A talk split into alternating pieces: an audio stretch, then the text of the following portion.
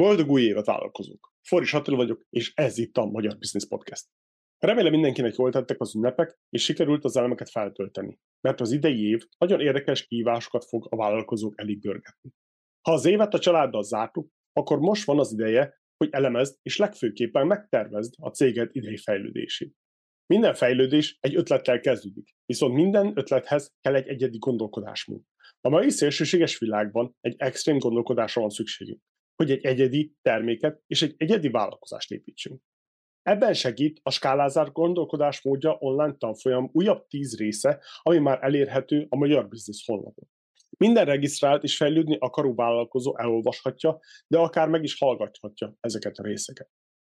Egy új, röviden a magyar bizniszről 7 részes tanfolyam bemutatja, hogy milyen vállalkozások tudják a legjobban kihasználni a világ első olyan virtuális játszóterét, ahol a te céged skálázása áll a középpontban.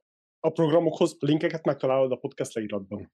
Egy másik fontos hírünk, hogy januártól a vendégeknek lehetőséget adunk, hogy online, élő adásban rögzítsük a podcast epizódokat. Így műsor közben lesz lehetőségetek kérdéseket is feltenni. Ha lemaradsz az élő felvételről, az adást, mint mindig, visszahallgatható. Látogass a honlapra, és iratkozz fel a salagmentes havi hírlevelünkre, ezzel segítve a vállalkozásod fejlődését. Ennyi szolgálati közlemény után, most pedig vágjunk bele. Figyelem, pigán szavak elhangozhatnak, a gyerek van a közeledben, tekerd le a hangerőt.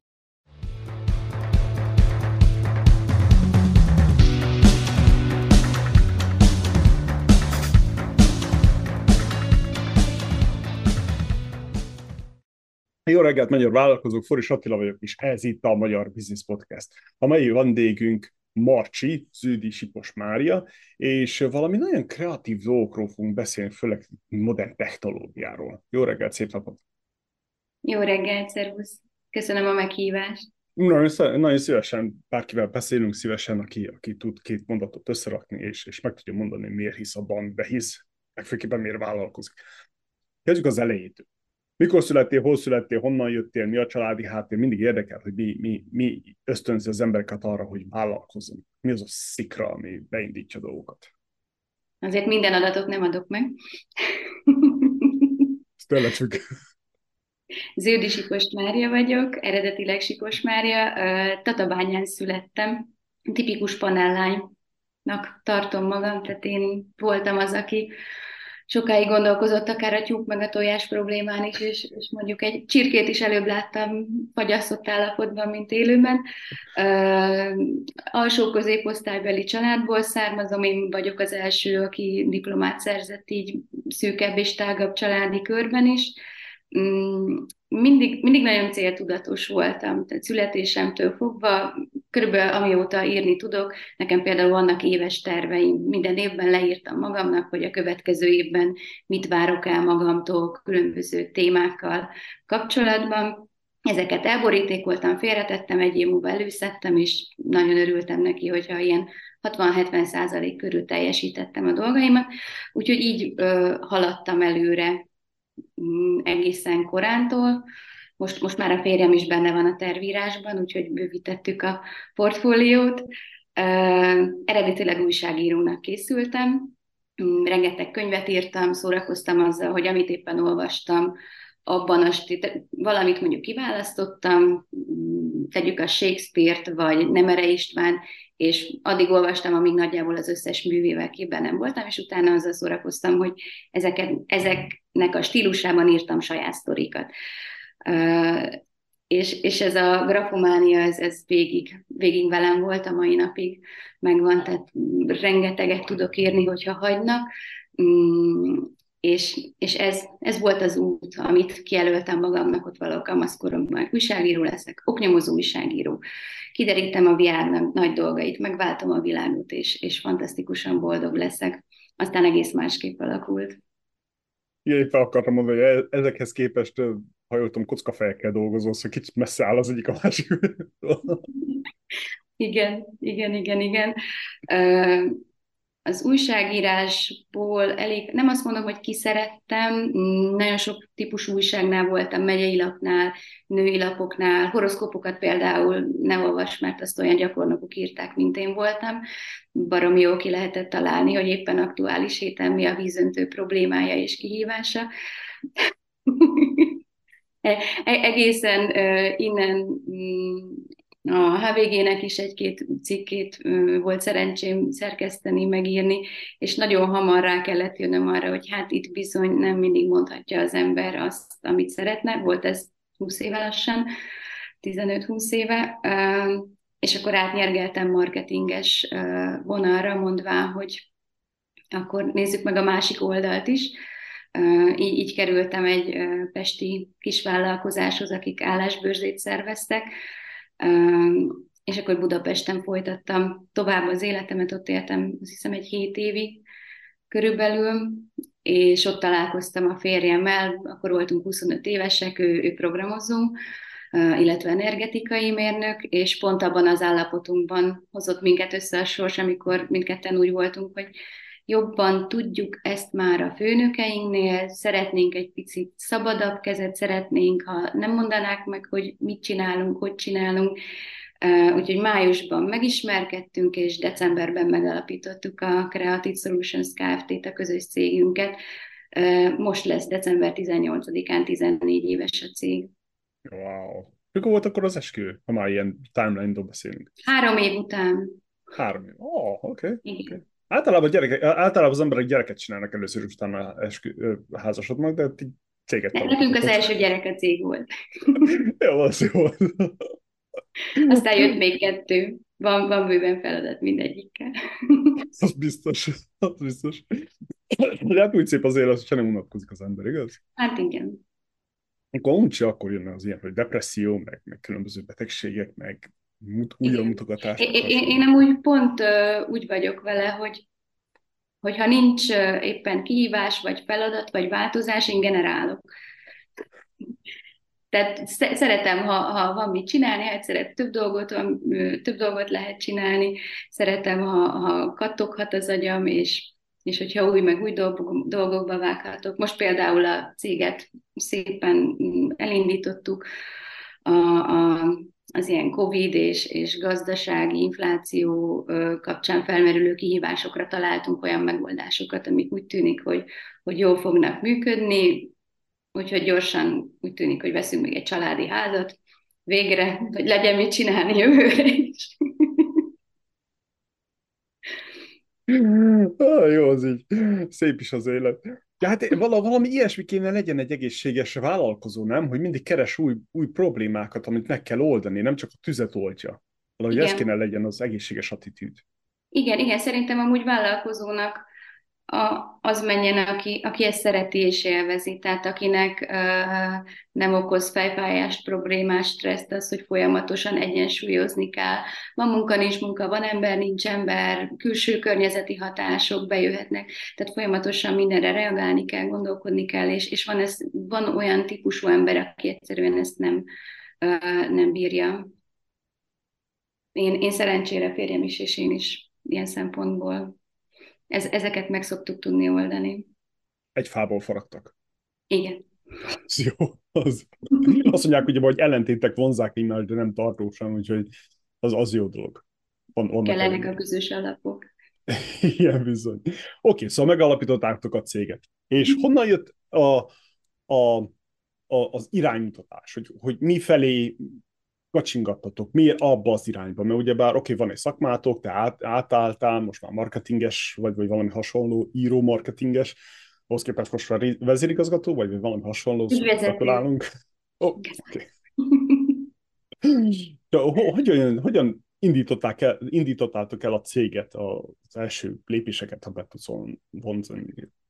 Először Először főállás mellett uh, foglalkoztunk a céggel mindketten, tehát nem mertünk akkora kockázatot vállalni, hogy beleugorjunk, hanem inkább csak puhatolóztunk, és a saját kis egyedi megbízásainkat próbáltuk így a, a cégen keresztül megvalósítani főállás mellett. Nekem arról szólt Pesten körülbelül másfél éven, hogy reggel fél nyolctól ültem a kedvenc kávézómban kilencig, a saját laptopommal, a saját projektjeimmel, aztán kilenckor bementem dolgozni a főállású munkahelyemre, utána haza a kanapén egymás mellett géppel az ölünkben folytattuk a, a dolgainkat. Én eredetileg a marketing, illetve PR stratégia tanácsadás vonalat szerettem volna vinni, de nagyon hamar észrevettük azt, hogy a férjem irányára az IT-re, fejlesztésre, egyedi szoftverfejlesztésre nagyobb igény van, úgyhogy úgy alakult, hogy én is átnyergeltem. Mm, hozzá kell tenni, hogy én előtte már a, a főállású munkahelyemen évek óta az adott cég belső mm, webes fejlesztéseit, mint projektmenedzser vittem, tehát ügyfél oldalról beleláttam abba, hogy, hogy mik a fontos pontok, mikre gondol az ügyfél, és ezt, ezt az alapértéket amúgy a mai napig igyekszünk megtartani és továbbadni a kollégáinknak is, hogy mi nem egy fejlesztő cég vagyunk, aki csak kódol, hanem együtt próbálunk gondolkodni a partnerekkel, és olyan munkát kiadni a kezünkből, amit mi ügyfélszemmel is elfogadnánk. Tehát ez egy fontos ilyen minőségi kritérium. És, és aztán elengedtem ezt a marketinges vonalat, szeretek ezzel kapcsolatban okosakat mondani, illetve azért valamennyire a szakmát követem, de, de gyakorlatilag most már a saját marketing tevékenységünket is kiszerveztem kollégáknak és a vállalkozóknak. Én általában csak tudom, hogy mit szeretnék, és nagyjából hogyan, a többit már megoldják ők nálam sokkal ügyesebben. Úgy kell azt, úgy kell azt. Igen, ez a kiszervezés, ez mindig valahogy fájó pont az embernek, hogy el kell Igen. engedni, hogy, hogy fú, és Igen. megbízni valakivel. Amúgy sokat segít a kényszer. Gondolok itt arra például generációváltásnál több olyan vállalkozóval beszélgettem, aki sokáig húzta, vonta, hogy átvegye a szülei cégét, aztán jött mondjuk egy betegség, ami miatt muszáj volt belépnie és oda tennie magát. Nálam, nálam például ez a kényszer a, a gyerekvállalás volt, tehát amikor uh, tudtuk, hogy jönnek a fiúk sorban egymás után, akkor, akkor kénytelen voltam átgondolni, hogy mi az, amit szeretnék mindenképp magamnál tartani, és elfér a fiúk mellett, úgyhogy hogy közben azért alapvetően főállású anyuka szerettem volna lenni, és mi az, amit el kell engednem, és valóban, amit kiszervez az ember, abban mindig lesznek hibák, de ettől függetlenül, ha a pozitív oldalát nézzük a dolgoknak, akkor ez, ez csak jó irányba mehet el. Igen. Meg hát a, a, a trükk az, hogy azon is kell dolgozni, hogy bár. Ja, teljesen mindegy, te csinálod, vagy a másik csinálja, de kell egy olyan átmeneti időpont, amikor, időszak, amikor végül mind a ketten dolgoztok rajta, csak utána persze egyre kevesebb, Igen. kevesebb, kevesebb, Igen. nem kell rögtön elvágni azt a küldős. De akkor, ha, ha jól értettem a szavaidat, akkor a gyerekeket is megterveztétek, hogy ki mikor jön? Nem. Oké, okay, okay. rosszul értettem, nem hatott még a kávé. Nem, nem, nem. Őket csak nagyon vártuk, és aztán azt megterveztük, hogy ha már jönnek, akkor, akkor, akkor rájuk szálljuk azt az időt, hmm. amit... Igen, bizony. Oké, okay. és mivel foglalkoztatok? Oké, okay, megvan ez a szoftverfejlesztés, de volt valami konkrétum, ami, ami felé kacsingattatok, vagy, vagy ez ilyen, hogy ami lesz, az, az, az felvesszük, a belemászunk? Alapvetően nagyon ilyen kezdővállalkozók ö, hozzáállásával indultunk, ami lesz alapon. Jött innen-onnan néhány projekt, és elvállaltuk, megcsináltuk, nem volt benne az elején semmi tudatosság. Az volt igazából a szerencsénk, ha mondhatom így, hogy körülbelül működésünk első évében egy, egy német partnerünk megkeresett minket, és megkérdezte, hogy tudnánk-e foglalkozni kiterjesztett valóság technológiával, ez az augmented reality, azoknak, akik nem tudnak, nagyjából annyit tud a technológia, hogy a valós térre helyezünk rá okos eszközzel, telefonnal, tablettel, akár asztali géppel olyan virtuális tartalmat, amit ugye a varostér eredetileg nem tartalmazott. Ez lehet kép, videó, képgaléria, szövegek, 3D-s modellek, akár egészen komplex animációk. Mm, amikor ezt a megkeresést kaptuk, akkor a, a párom szakmai oldalról mm, nagyon örült a, a lehetőségnek, mert nem foglalkozott akkor még ezzel Magyarországon senki. Én, én pedig a marketinges irányból közelítettem meg, hogy valahol mennyire jó dolgokat lehet ezzel csinálni. Láttam azt így az állásbőrző szervezések kapcsán, hogy rengeteg cég küzd azzal, hogy megszólítsa a fiatalokat, a potenciális munkavállalóit, kihozták az autókat, mindenféle interaktív dologgal próbálkoztak, hogy ők legyenek az, akinél megállnak majd a standon, és az AR erre tökéletesen alkalmas, illetve számtalan egyéb promóciós marketing lehetőség van benne, tehát többet tud, mint egy hagyományos banner, vagy molinó, vagy, vagy bármi ilyesmi. Mm, és, és valahogy ez, ebbe belevágtunk, és onnantól, onnantól mi lettünk az AR fejlesztő cég az országban, rajtunk kívül utánunk indultak még ketten-hárman, de többüknek például mi alvállalkoztunk, akkor már innen Szegedről, tehát nagyon sokáig nem is kellett foglalkoznunk marketinggel, értékesítéssel, alapvetően az ügyfelek ajánlottak minket, és így jöttek a megkeresések. Szájról ezért mondom, hogy, hogy szerencsések voltunk ezzel a technológiával. Igen, mert és megadtuk a lehetőséget. Igen, ugyebár a, a programozás, meg az az IT szakma, ez annyira hot stuff, hogy egyszerűen nincsen elég, elég ember, aki, aki ki tudja elégíteni a, a piacot. És hát ilyen szempontból szerencsések, mert hát ugyebár kapnak a, a szakemberre, de hát persze ott is jó szakembernek kell lenni. Szóval Igen. ott is vannak azért hulladékok, és hiába csinálsz valami rosszat, akkor az a, az a kliens úgyse fog visszajönni hozzád, inkább kifizeti ezt az extrát, sem egy, egy drágábbhoz, mint hogy uh, utána kelljen megint dolgozni, vagy fél munkát végezni, vagy valami hasonló. Igen, igen, itt is a, az AR-nél a know-how az igazából házon belülről indult, és, és alapvetően kitanítjuk a mai napig a kollégákat, tehát ezt kívülről egyetemi vagy felsőfokú szakképzésből kevéssé tudják felszívni azt a, azt a tudást, ami szükséges, hogy ilyen jellegű dolgokat tudjanak fejleszteni. Igen, volt egy ilyen nagyon érdekes dolog, a Google-től hallgattam valamit, én már nem is tudom micsodát, és ott volt egy ilyen, hogy a legjobb mérnökök, legjobb ilyen programozók, azok ilyen önfejlesztésből tanulnak. És nem, hogy mhm. önfejlesztés, hanem öntanulásból. Aztán ezt a szót még magyarul most használtam először. Hogy ők a legjobbak, akik, akik saját maguktól tanulnak, és otthon ülnek, és, és bújják, böngészik a dolgokat. Akkor mindenki legyen egy egyetem. Érdemes egyetem egyetemre menni? Az egyetem arra ad ö, felkészültséget, hogy rájöjjön a fiatal, hogy igazából bármi, ami érdekli, vagy bármit, amit szeretne, azt meg tud tanulni, ha van képessége arra, hogy megtalálja a megfelelő forrásokat, szerintem. Emellett nyilván a papír fontos tud lenni a munkaadónak, ha pályázni szeretne közbeszerezni, vagy, vagy bármi egyéb olyan nagyobb célja van, amihez elvárják a kollégák felsőfokú végzettsége, de alapvetően mi is az utóbbi években nem is feltétlenül papírt kérünk a, a toborzás kiválasztás során, hanem kompetenciát nézünk. Tehát azt, azt keressük a kollégánkban, ami, ami bennünk is bennünk van, a folyamatos fejlődés igénye, a belső motiváció, van egy vezetőfejlesztő kollégánk, ő például azt mondta, nagyon jó megfogalmazás, ami szerintem, hogyha valakinek programozóként a CV-ben benne van, hogy ő saját idejében, saját keretrendszert, vagy bármilyen rendszert fejleszt, hobbiból, akkor ő kell nekünk. Mert ez azt jelenti, hogy a kötelezőn kívül annyira elvarázsolja ez a világ, hogy a szabad idejét is rááldozza, és ez az a hozzáállás, ez az a mentalitás, ami nálunk itt csapaton belül szerencsére megvan, és, és ezt keressük mi is tudatosan. Ez nagyon tetszik.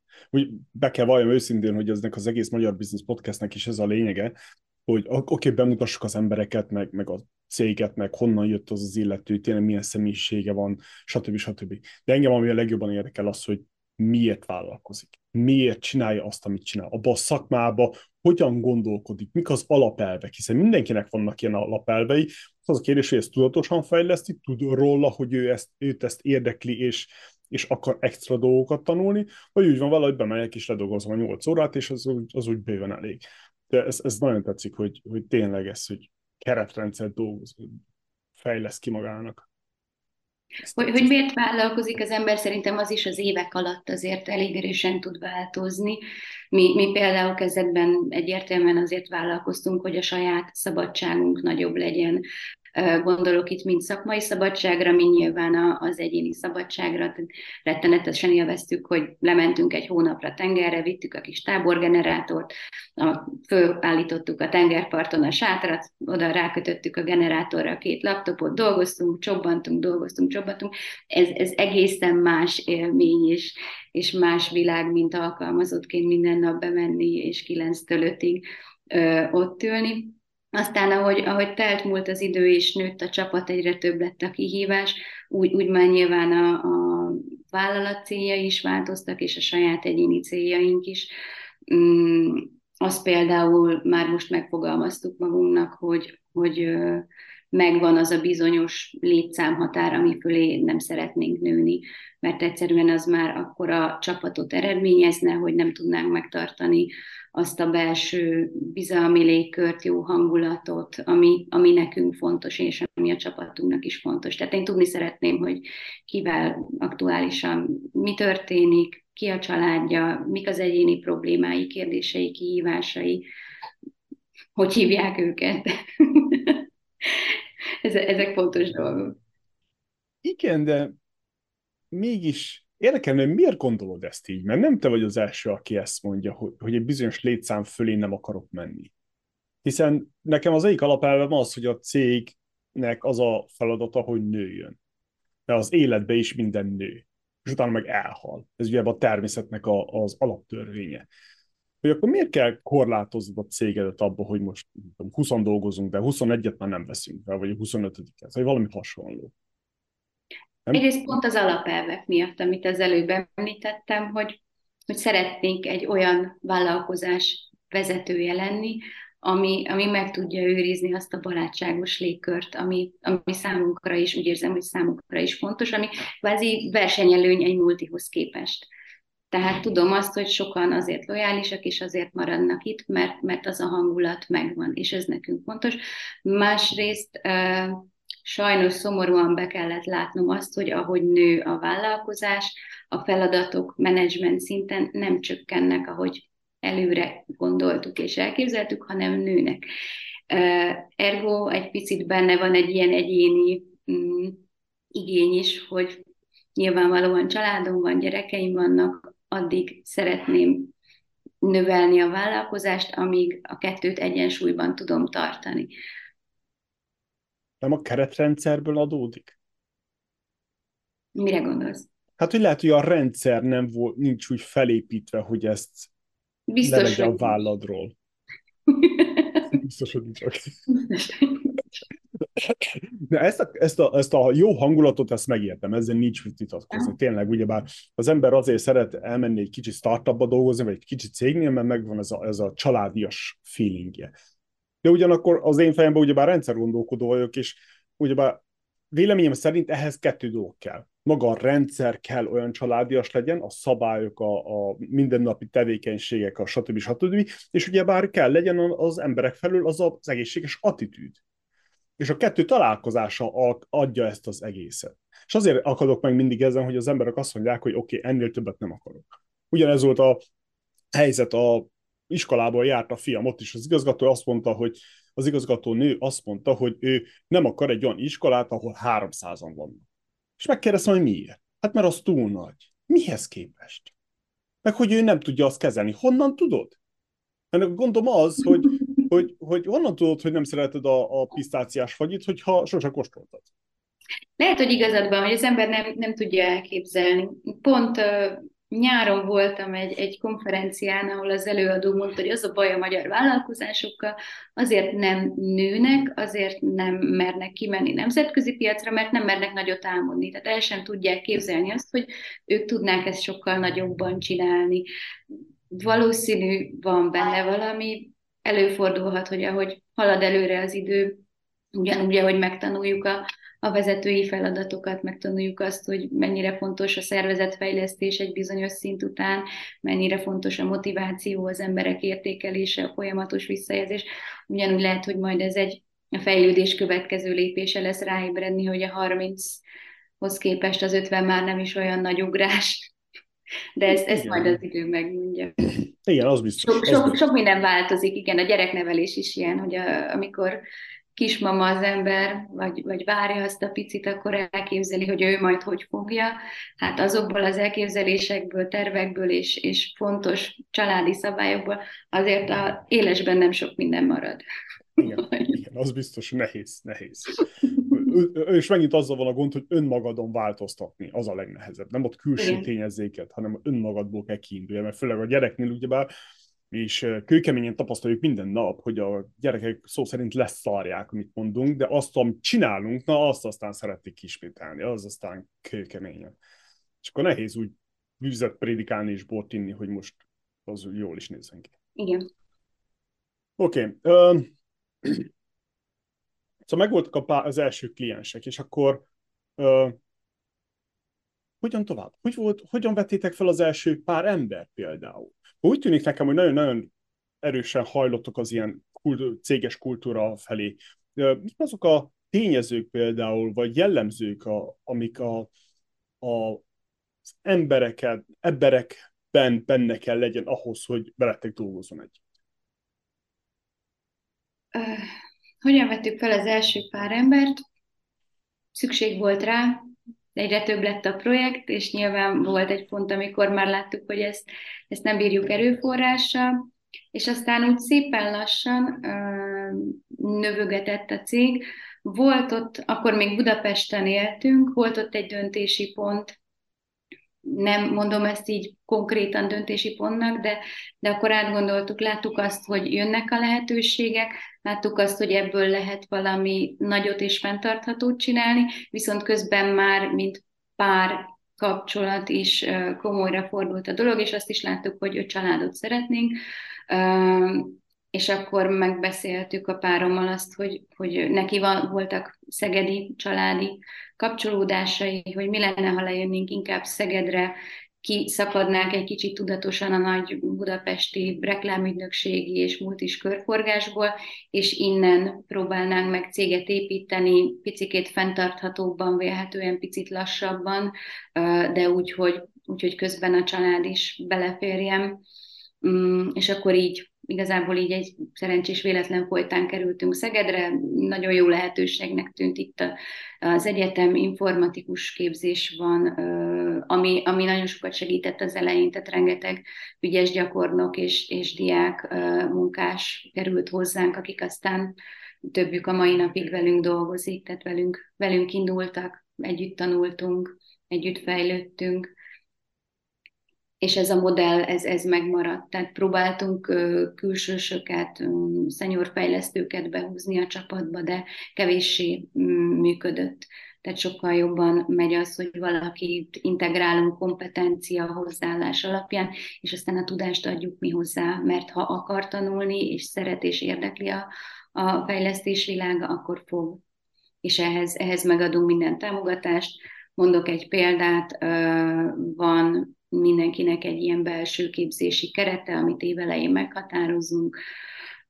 Ebből a belső képzési keretből, ha ő talál magának bármit, legyen az egy Udemy kurzus, bármilyen online kurzus, egy konferencia, vagy csak egy olyan szoftver, ami megkönnyíti a munkáját, tehát ki is bővítettük a skálát, akkor ebből a keretből ő, ő ezekre kvázi a cég terhére költhet, illetve mindenkinek a munkaidő 10%-át azt önképzési időként elszámolhatóvá tettük. Tehát amikor éppen vár egy projekt kapcsán a másikra, hogy válaszoljon, nincs mit csinálni, akkor abban az időben a adott szakterülethez kapcsolódó bármilyen tanulás mm, kvázi logolható a, a kis belső elszámolási rendszerünkbe.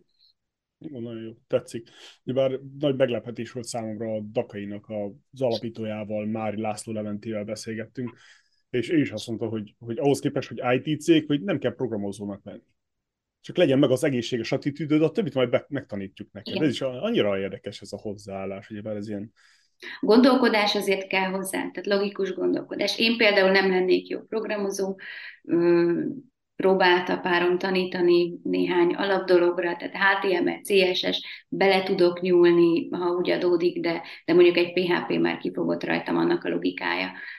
Viszont, viszont mondjuk én például tudok rendszerekben látni, tehát amikor leülök egy ügyféllel tárgyalni, és azt mondja, hogy kell neki egy mobil alkalmazás, akkor, akkor át tudom gondolni, és el tudom neki mondani azt, hogy viszont ehhez kell valamilyen webes háttérfelület, ahol az adatokat feltölti, különböző dolgoknál kapcsolódnia kell egyéb rendszerekhez, ezekre is gondolni kell, tehát hogy, hogy ezekben mm, alapvetően ez is a hozzáadott értékünk.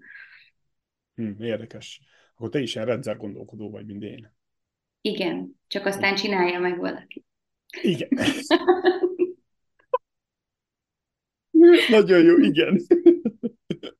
igen. De hát, bocsánat. Ugye már a, a, mikor csináltuk a podcastbe élőben nézt, csináltuk a, a diszk elemzésemet, és van tényleg az volt, hogy oké, okay, vannak a pirosok, a sárgák, a kékek, a nem tudom micsoda, és akkor meg kell találni az embert rá. Mert van, aki abban jó, amiben te meg én, hogy kitaláljuk, összekötjük a dolgokat, meg, meg megrendezzük, meg átrendezzük, meg, meg tervezzük, és vannak azok az emberek, akik abban jók, hogy ők leülnek, és napi 8 órában tudják például ugyanazt a monoton munkát végezni, mert olyan a, a hozzáállások az attitűdhöz. És, és tényleg a legfontosabb az, amit megértsünk, hogy mind a kettő kell. Sőt, mind a négy, ugye a diszben négy van. Mind a négy kell ahhoz, hogy egy csapatot összerakjál. Mert ha csak ilyenek vannak, csak kockafejek vannak, akkor senki nem csinálja meg a munkát, hanem csak állandóan beszegednének, vagy vitatkoznának, meg tervezgetnénk.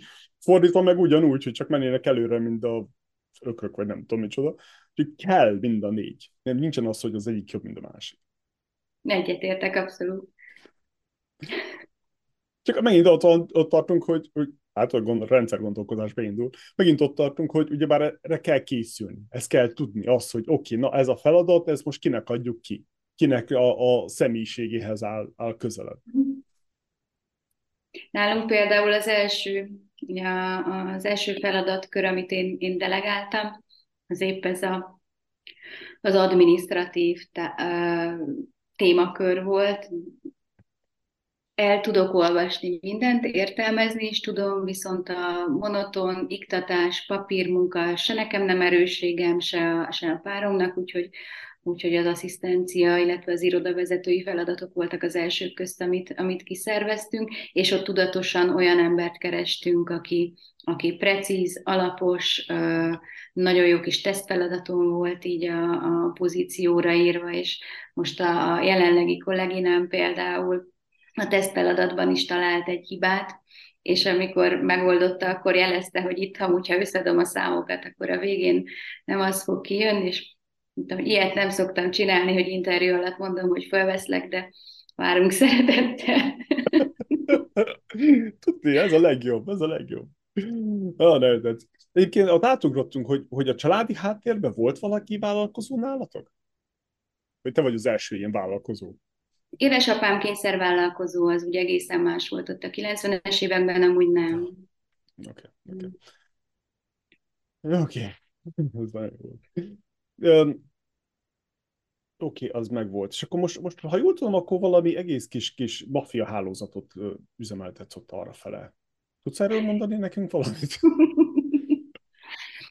így, így, talán így, így még nem neveztem az el, elmúlt két évben picikét, ahogy a kisfiaim intézményesültek, és, és iskolába, óvodába kerültek, és visszatértem nyolc órában dolgozni a céghez, az, az a nyár az nagyon nehéz volt, körbenéztem, és mit fogok én itt csinálni? Az asszisztenciát kiszerveztem, a marketinges csapatom tök ügyes, nem nagyon kell hozzányúlnom a dolgokhoz, ügyfélkapcsolattal, foglalkozom ugyan, de kevéssé szeretnék projekt szinten belemenni. Már régóta a, a, az ilyen jellegű feladatokban mit csináljak. És, és végig gondoltam a nyáron, hogy itt vagyunk Szegeden már kilenc éve lassan, alapvetően nem sokan ismernek minket, mivel a, az eredeti ajánlások a, a pesti múltunkból adódóan jellemzően Budapest és, és külföld környéki ügyfeleket jelentettek. Szegedről nem, nem igazán volt kapcsolódási pontunk. A kamarán keresztül ismertem néhány embert, illetve ott az Enterprise Europe Network délalföldi követeként dolgoztam 2008, 2018 óta, de, de ez azért nem sok, és akkor eldöntöttem, hogy megpróbálok egy picit integrálódni, mint mint cégvezető, illetve mint a vállalkozás is a, a szegedi életbe. Ennek eredményeképpen alapvetően tudatosan csatlakoztam itt a, az egyik helyi nagy nevű BNI csoportba. A BNI-on keresztül megismertem a szegedi rotaristákat, hozzájuk tavaly csatlakoztam, egy nagyon jó csapat, amúgy nagyon örülök, hogy köztük lehetek. Mm, igyekszem eljárni itt a környéken az összes fontosabb rendezvényre, eseményre, konferenciára, és így két év alatt nagyjából azért sikerült megismernem, hogy, hogy kik vannak, kik, kik lehetnek az én potenciális partnereim, akár beszállítóim, akár alvállalkozóim, akár potenciális megrendelőim.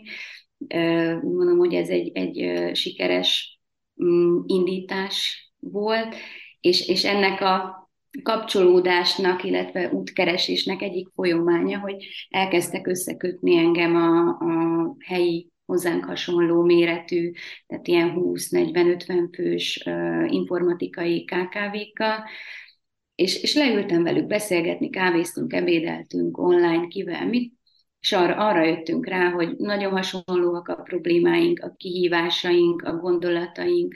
A Covid azért mindenkit egy picit úgy eltávolított egymástól, nem volt kivel megbeszélni azokat a dolgokat, amik, amikben mi is napi szinten bent vagyunk, és, és ezekből a beszélgetésekből elindult egy abszolút ilyen informális kezdeményezés, aminek következtében azt hiszem tavaly június óta egy ilyen 6-7 fős kis helyi szegedi IT CEO meetup csoportban beszélgetünk, hetente egyszer legalább online, havonta egyszer elmegyünk együtt ebédelni, mm, próbálunk közös képzéseket szervezni, ha valakinek erőforrás igénye van, akkor, akkor először egymáshoz fordulunk, körbe kérdezünk gyorsan, hogy nincs-e épp egy szabad fejlesztőt két hónapra egy projektemhez, és ha nincs, akkor, akkor lépünk tovább a, a többi hagyományos csatornán keresztül, illetve közösen igyekszünk külpiacra lépni is, mert felismertük azt, hogy nyilván egy, egy 20-25 fős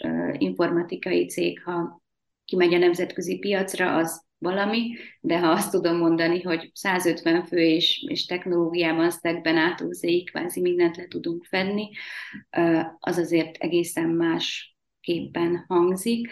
Mm, most ennek, ennek folynak a, a partnerkeresési vonalai, együtt dolgozunk a megjelenéseken, referenciákon, közösen megbíztunk marketinges, szélszest, és, és bízunk benne, hogy együtt erősebbek tudunk lenni. Ezt igazából amúgy a BNI adta nekem ezt a szemléletet, sosem gondoltam volna, hogy a kvázi konkurenciával egyáltalán tudok bármit kezdeni, és, és az a felismerés, hogy a konkurencia sem feltétlenül a konkurenciám, hanem lehet a stratégiai partnerem abban az esetben, ha, ha beszélek vele, ha, ha kiderítem azt, hogy ő miben jó, én miben vagyok jó, tehát nem, nem ugyanazokban vagyunk erősek. Mindenkinek van valamilyen terület, amiben nagyobb tapasztalata, nagyobb tudása van. Abszolút hiszek abban, hogy ki tudjuk egészíteni egymást, és tudunk egymásnak segíteni ahelyett, hogy versenyeznénk és homokba dugnánk a fejünket. Majd, ha egy-két év múlva megkérdezett, hogy mi lett ennek az eredménye, van, aki szerint picit naív maga az elképzelés, akkor el fogom mesélni nagyon szívesen, de, de egyelőre úgy gondolom, hogy, hogy ebben a nagyon globalizálódott világban ez egy jó irány lehet. Az biztos. Nagyon, nagyon szimpatikus, amit, amit magyarázom, meg csináltok, hiszen tényleg mindenki csak a konkurenciát látja Szóval nagyon-nagyon ilyen, nem is tudom, ilyen iskori gondolkodásmód, vagy nem is tudom, hogy fejezzem ki, pedig nem, tényleg azzal, hogy, hogy az, az tűnik nekem nagyon ilyen primitív hozzáállásnak, hogy egyedül meg tudod váltani a világot. Pedig nem. Szóval kellenek társak, kellenek más cégek, akivel együtt dolgozzál. Igen.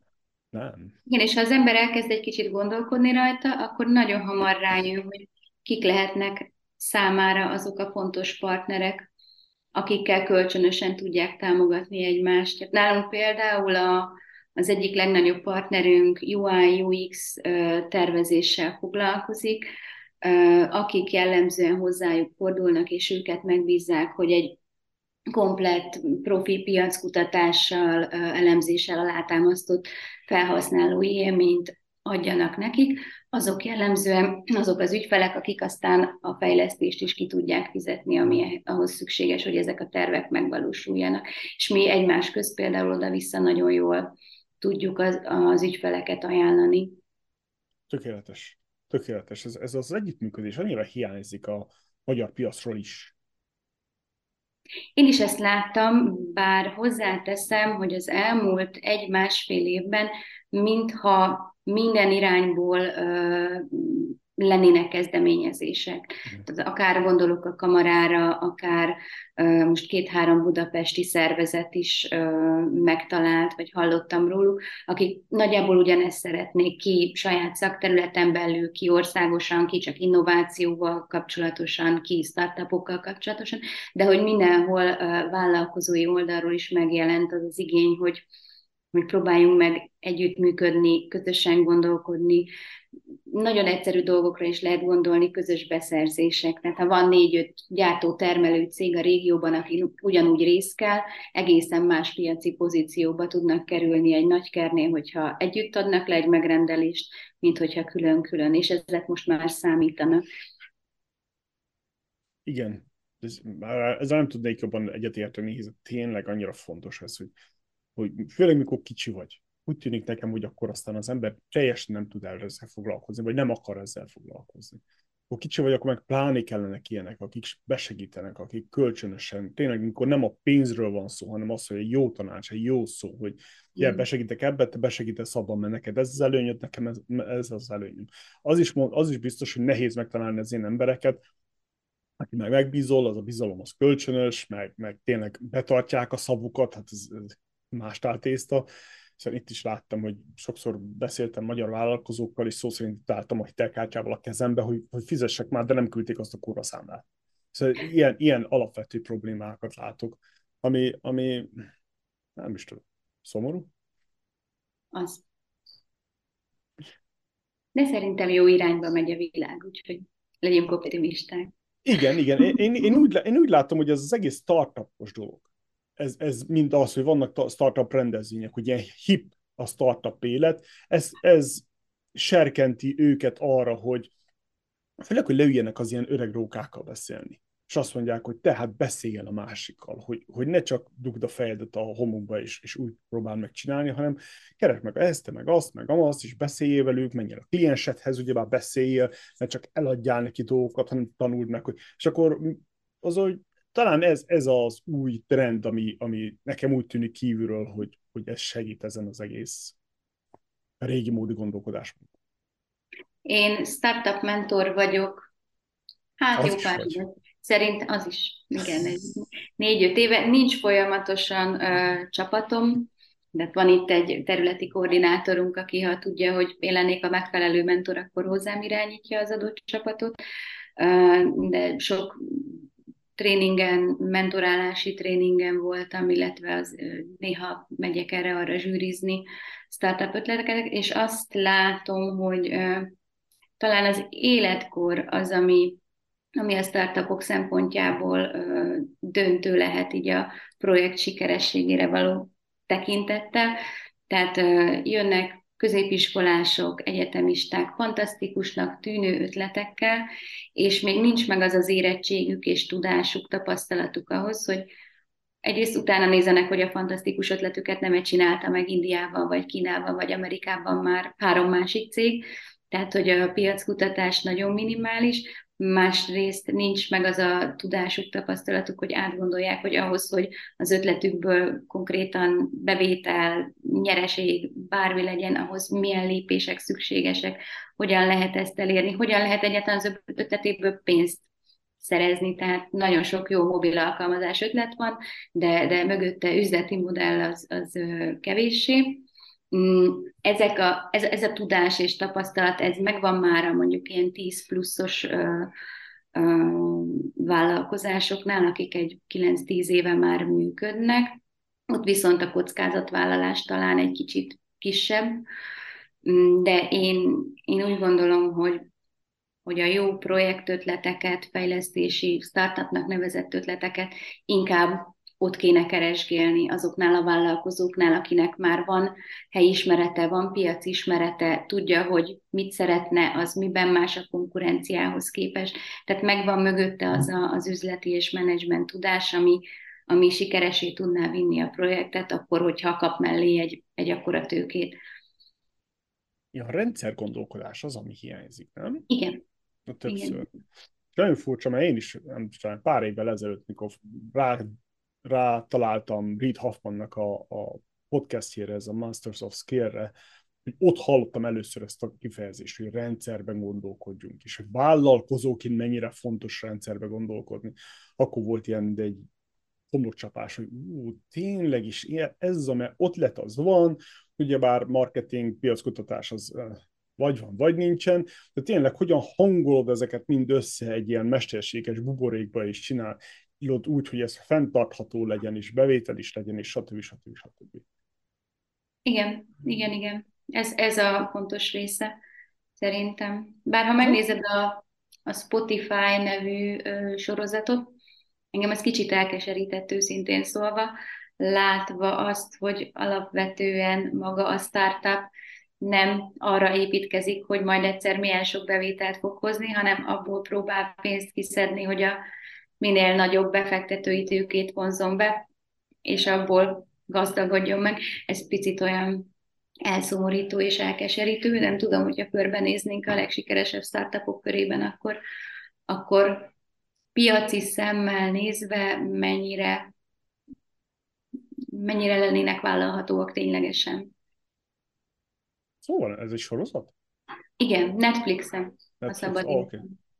Azt hiszem, hallottam már róla, nem tudtam. Érdekes. Érdekes. I- igen, igen, ez, az biztos, hogy ez a pénz, ez mindig úgy el tudja vakítani az embert, hiszen uh-huh. abból fizetett ki a napi szinten a számlákat, meg, meg megengedsz magadnak bizonyos szín, életszínvonalat, de nem ez kéne legyen az elsődleges. Igen, plusz, hogyha ha startupként kapsz pénzt külső befektetőtől, azzal sokkal könnyedebben játszol, mint hogyha vállalkozásod van, a tiéd, te felelsz érte minden tekintetben, úgy, úgy azért az ember kevésbé kockázatvállalók, tehát vállalkozóként meggondolom, hogy kellene nekem a legfenszibb irodabútor, vagy teljesen jó lesz egy középelső kategóriás bútor, melyiknek mi a hozzáadott értéke. Akarom mondani, egészen más a, más a szemlélet a kétféle működés között, és és nagyon kíváncsi leszek amúgy, hogy ez a startup világ, ez, ez hogyan fog összeérni a tényleges piaci valósággal, és mikor. Igen, jó múltkorában beszéltünk még Müller, Müller Tamással is erről, és abban volt a, a konklúzió, hogy, hogy a pénz az, az megöli a startup.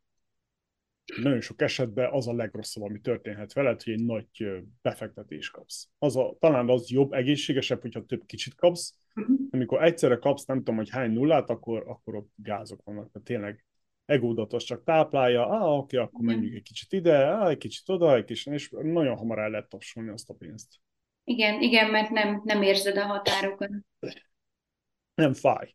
Nem fáj uh-huh. megszerezni. Egyszer megvolt, megvolt az a fájdalom küszöb, és utána meg, ah, oké, okay, jó az. Igen, szomorú, szomorú. A másik, amit akartam kérdezni, hogy hogy mennyire vagytok ti egyedi a piacon? Magyar, magyar szempontból, Közép-Európa szempontjából, európai szempontból, mi, mik azok az egyediességek, az a, az a különbség, amit ti tudtok szolgáltatni, amit adtok a csomagokkal, a terméketekkel, amit például másoknál? Ha van egyáltalán ilyen? Van. Általában szokott lenni, Nem mondom, hogy gondolkoz, gondolkoztam rajta, ahogy kérdezted, úgy, úgy gyorsan végig gondoltam.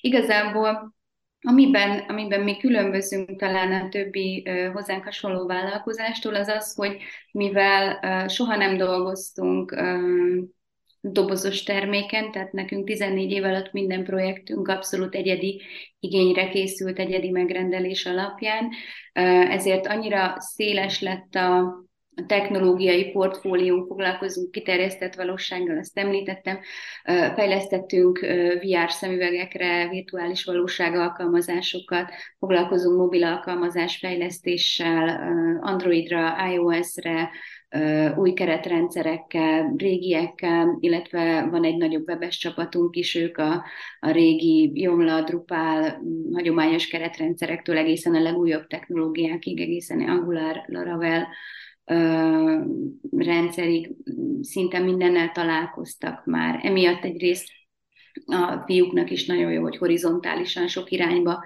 tudnak elmozdulni, hogyha egy adott területet úgy megmondtak. Másrészt nekünk egy nagyon nagy eszköztárat adott a kezünkbe az évek során, tehát amikor leülünk egy ügyféllel tárgyalni, általában egy három-négy mondatos briefünk van, hogy mit szeretne. Abból a briefből két-három beszélgetés alapján kiderül, hogy az, a, mit szeretne, az konkrétan mi lehet, mit érdemes, és azt mivel érdemes megvalósítani. Másik, másik megközelítésből jön egy ügyféligény, rendezvényre szeretne valamilyen izgalmas dolgot megszólítani a látogatókat, érdeklődőket, Mm, ilyenkor alapvetően mi együtt gondolkodunk velük, tehát leülünk, megnézzük a termék vagy szolgáltatás portfóliót, ahhoz képest megnézzük a célcsoportot, tehát hogy kiket akar megszólítani, kik lesznek ott azon a rendezvényen, és úgy gyártunk nekik akár 5-6 koncepciót, képpel, videóval, tehát nem, nem akarunk feltétlenül mondjuk új dolgot kitalálni, hanem körbenézzünk YouTube-on, Google kereső, és megnézzük, hogy mondjuk kiterjesztett valóság technológiával egy mezőgazdasági gépgyártó cégnek mit lehet csinálni. Be lehet mutatni 3D-ben a, a traktorjait, ott a helyszínen, akár a standon, virtuálisan megrajzoljuk, körbejárható, körbeforgatható, csinálhatunk egy nem is tudom, rétfelszántós mini játékot, amivel ott elszórakozhatnak virtuális valóság szemüveggel a látogatók, de akár a webshopjukba is beépíthetünk csak egy kis modult, amivel a, a 2 ben vagy fotóként megjelenő traktort aztán 3D-sítjük és úgy jelenítjük meg. Tehát, hogy igyekszünk ötleteket adni neki, ami, ami alapján aztán jön egy aha élmény, hogy na, ilyet. És akkor azt csináljuk meg. És ezt, ezt kevesen vállalják a szakmában, illetve kevesen állnak így hozzá. Tetszik az aha élmény, a különböztet meg titeket a többitől. Igen. Ez tetszik, ez nagyon jó.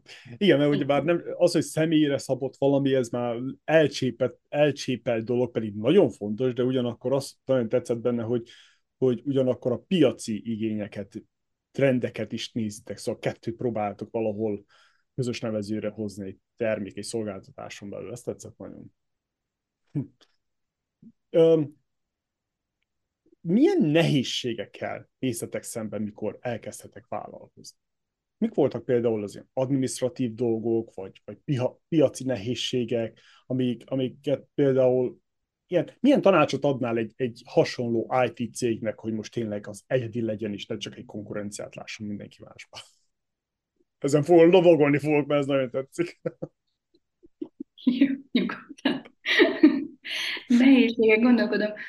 Az első, első talán, ami, ami megmaradt emlékként elég élesen, a nagyobbik fiammal voltam terhes, és bekerültem kórházba, egy két hónapot ott töltöttem, különböző problémák miatt, és akkor kaptuk az első NAV ellenőrzésünket.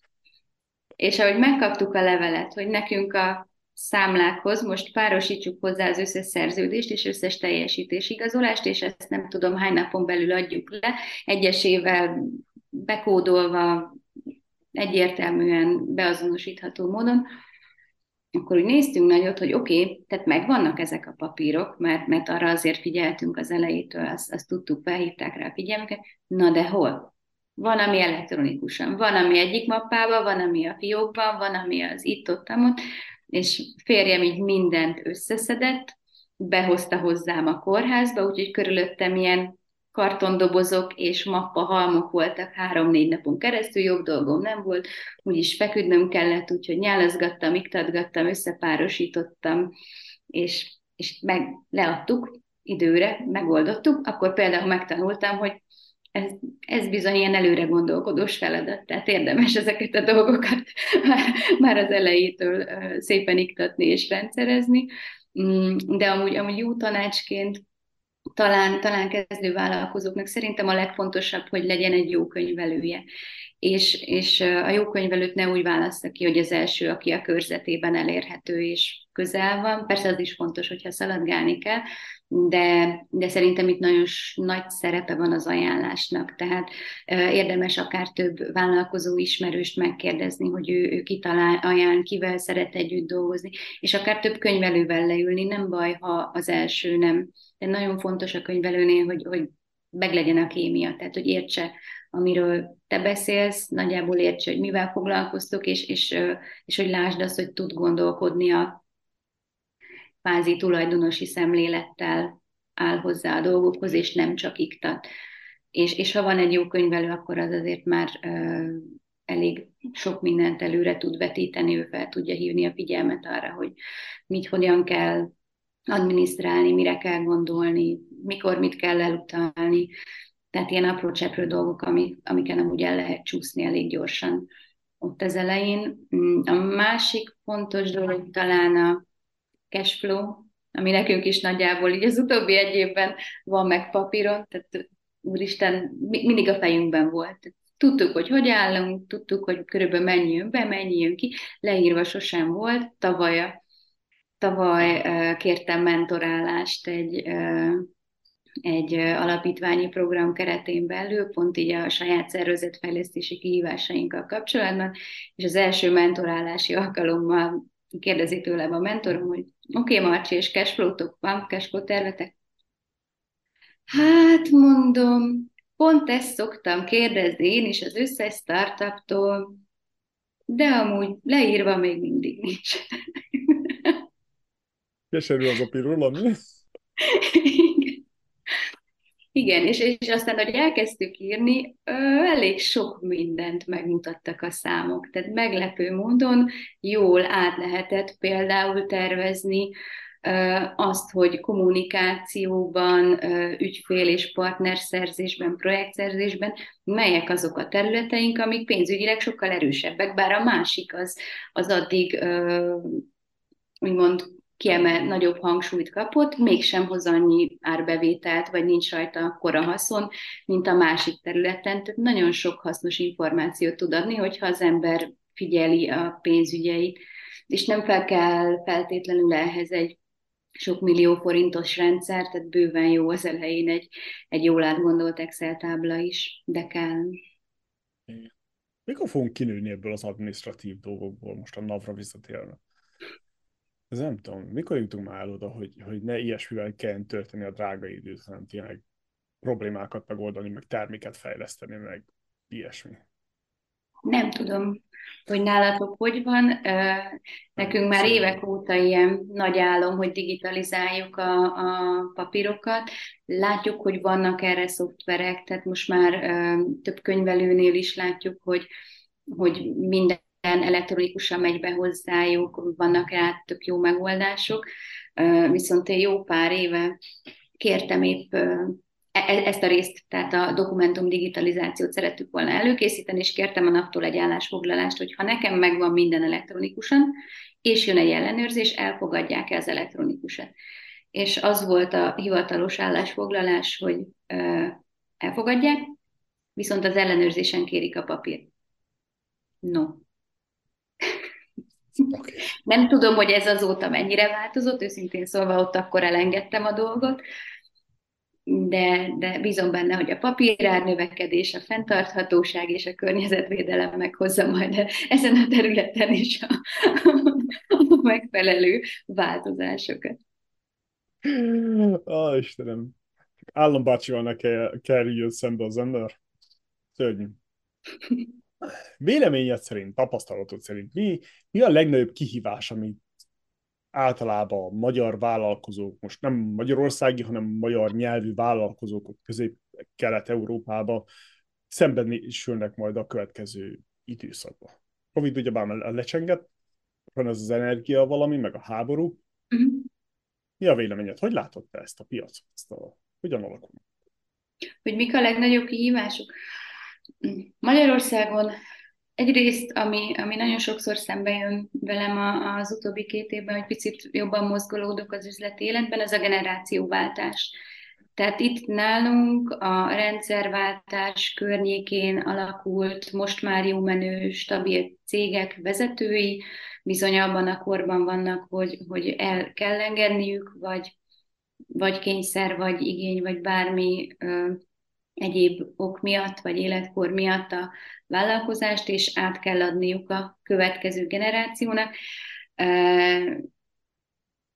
Ez, ez nagyon sok esetben problémás, tehát vagy nincs kinek átadni, vagy akinek át lehetne, az nem akarja. Ez szerintem a következő tíz évnek egy nagy kérdése lesz, hogy ezek a nagy, már inkább ö, nagy vállalatok hogyan, hogyan tudják majd ezeket a, a kérdéseket meglépni, feladatokat meglépni. Mm, a másik fontosabb problémakör, ami szerintem szembe fog jönni velünk egyre gyakrabban, az, az a munkaerő kérdése. Kevés a szakképzett munkaerő, nem, nem csak az IT területén, tehát legyen szó akár egy nyilázáró szerelő szakemberről, vagy egy asztalosról, vagy egy építészről, bárkiről mindenhol azt hallom, hogy, hogy szakképzett, dolgozni is akaró munkaerőből bizony nagyon nagy hiány van. Itt, itt biztos, hogy az oktatás és a piaci szektor egyre szorosabb együttműködésére lesz majd szükség. Kérdés, hogy az oktatás oldaláról mennyire lesz meg erre a nyitottság, illetve az ellátási láncok. Ugye ott a Covid-nál kezdődött, most energiaválság, infláció, azt látom, hogy a, a nagy globalizált gazdaság, mint modell, mintha megdőlni látszana. Szerintem a következő időszakban egyre nagyobb hangsúly lesz majd a lokális kapcsolatokon, tehát nem feltétlenül Ukrajnából fogjuk a fát importálni, ha házon belül is meg tudjuk oldani. Egy étterem mondjuk már itt Szegeden is egyre több étterem fókuszál arra, hogy helyi környékbeli termelőktől szerezze be az alapanyagot. Mm, lehet, hogy most még picit drágább, de hosszú távon szerintem ezek, ezek megtérülő új irányok lesznek. Lássuk, hogy a rendszer gondolkozóként hogyan oldanád meg ezeket a problémákat? ha ezt tudnám, lehetnék miniszterelnök nő. Hmm, szerintem az, az, az külön, külön attitűd kell, vagy nem is tudom, hogy fogalmazom ezt szépen, az külön állatfaj, bocsánat. Igen, az, az már annyira nagy rendszer, hogy Ne, nem is tudom, hogy hol, hol lenne érdemes hozzáfogni, vagy hozzákezdeni.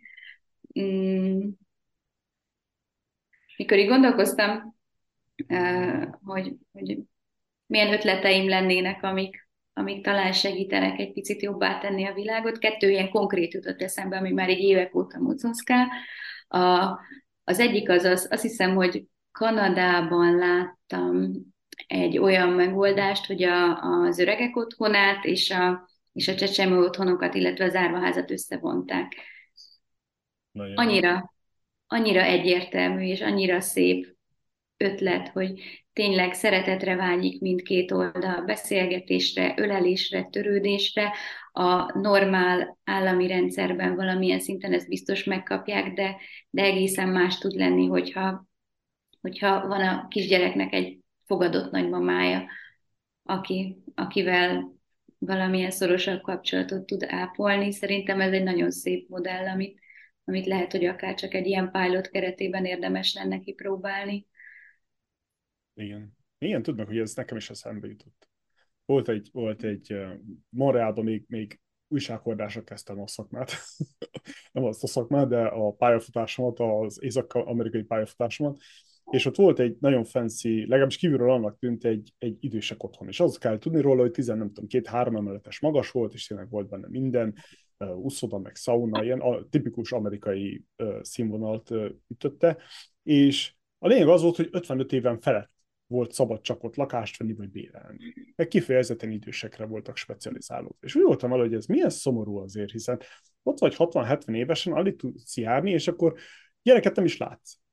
Igen. Szóval kicsi gyereket nem is látsz, hogy, hogy miért kell ennyire. Milyen jó lenne, hogyha például ezeket a dolgokat valahogy jobban meg lenne, meg lenne tervezve a város. Hogy tényleg legyen két-három ilyen magasabb épület egymás mellett, alakítsanak ki egy kisebb ökoszisztémát, vagy, vagy közösséget, nevezzük, ahogy akarjuk, és akkor igen, a másik épületnek az aljában legyen ott tényleg gyerekek, óvoda, nem tudom micsoda, biztos, hogy az öregek szídni fogják a fejüket, mikor délben nem tudnak lefeküdni, mert visítanak jobbra-balra, de ugyanakkor mennyire jó az, hogy kinéz az ablakon, és akkor sok őrült kicsi gyerek ott rohangál és játszanak, az úgy, úgy Igen. bármilyen hideg és megvénült fasz, vagy felmelegíti a szívedet. Ez az igazság. Egyik magyar humorista mondta, valamelyik előadásában, hogy vannak a kisgyerekek, akik rengeteget kérdeznek, már tele a fejed a kérdéseikkel, meg se hallgatják a választ, már jön a következő kérdés, és vannak az idősebbek, akik pedig folyamatosan mesélnének, és már hallottad 60-szor a történetet, de még mondja, mit kell csinálni? Erezd össze őket. Tök jó, az egyik kérdez, a másik mesél, nettó nyereség, te pedig közben megiszod a kávét.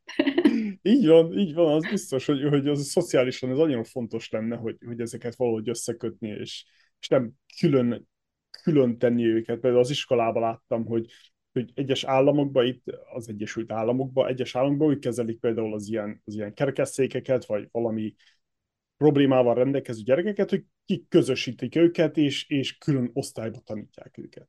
Ez csak akkora hülyeség, hogy legalábbis, oké, okay, értem, hogy sok a felelő, sokkal nagyobb a felelősség annak a tanárnak, tanítónőnek, de akkor ugyanakkor milyen dolog az, hogy a gyerek úgy nő fel, hogy nem tudja, hogy hé, vannak olyan gyerekek, akik tolószékben vannak.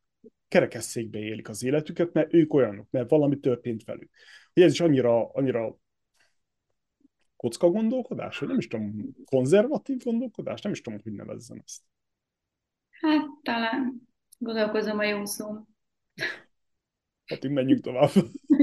Ha, ha, ha, ha amúgy ezt, ezt a gondolatot levetíted a vállalkozás oldalra, néhány hete találkoztam itt Szegeden a, a helyi kamarában egy nagyon érdekes hasonló gondolatmenetű ötlettel, csak piaci oldalról megközelítve.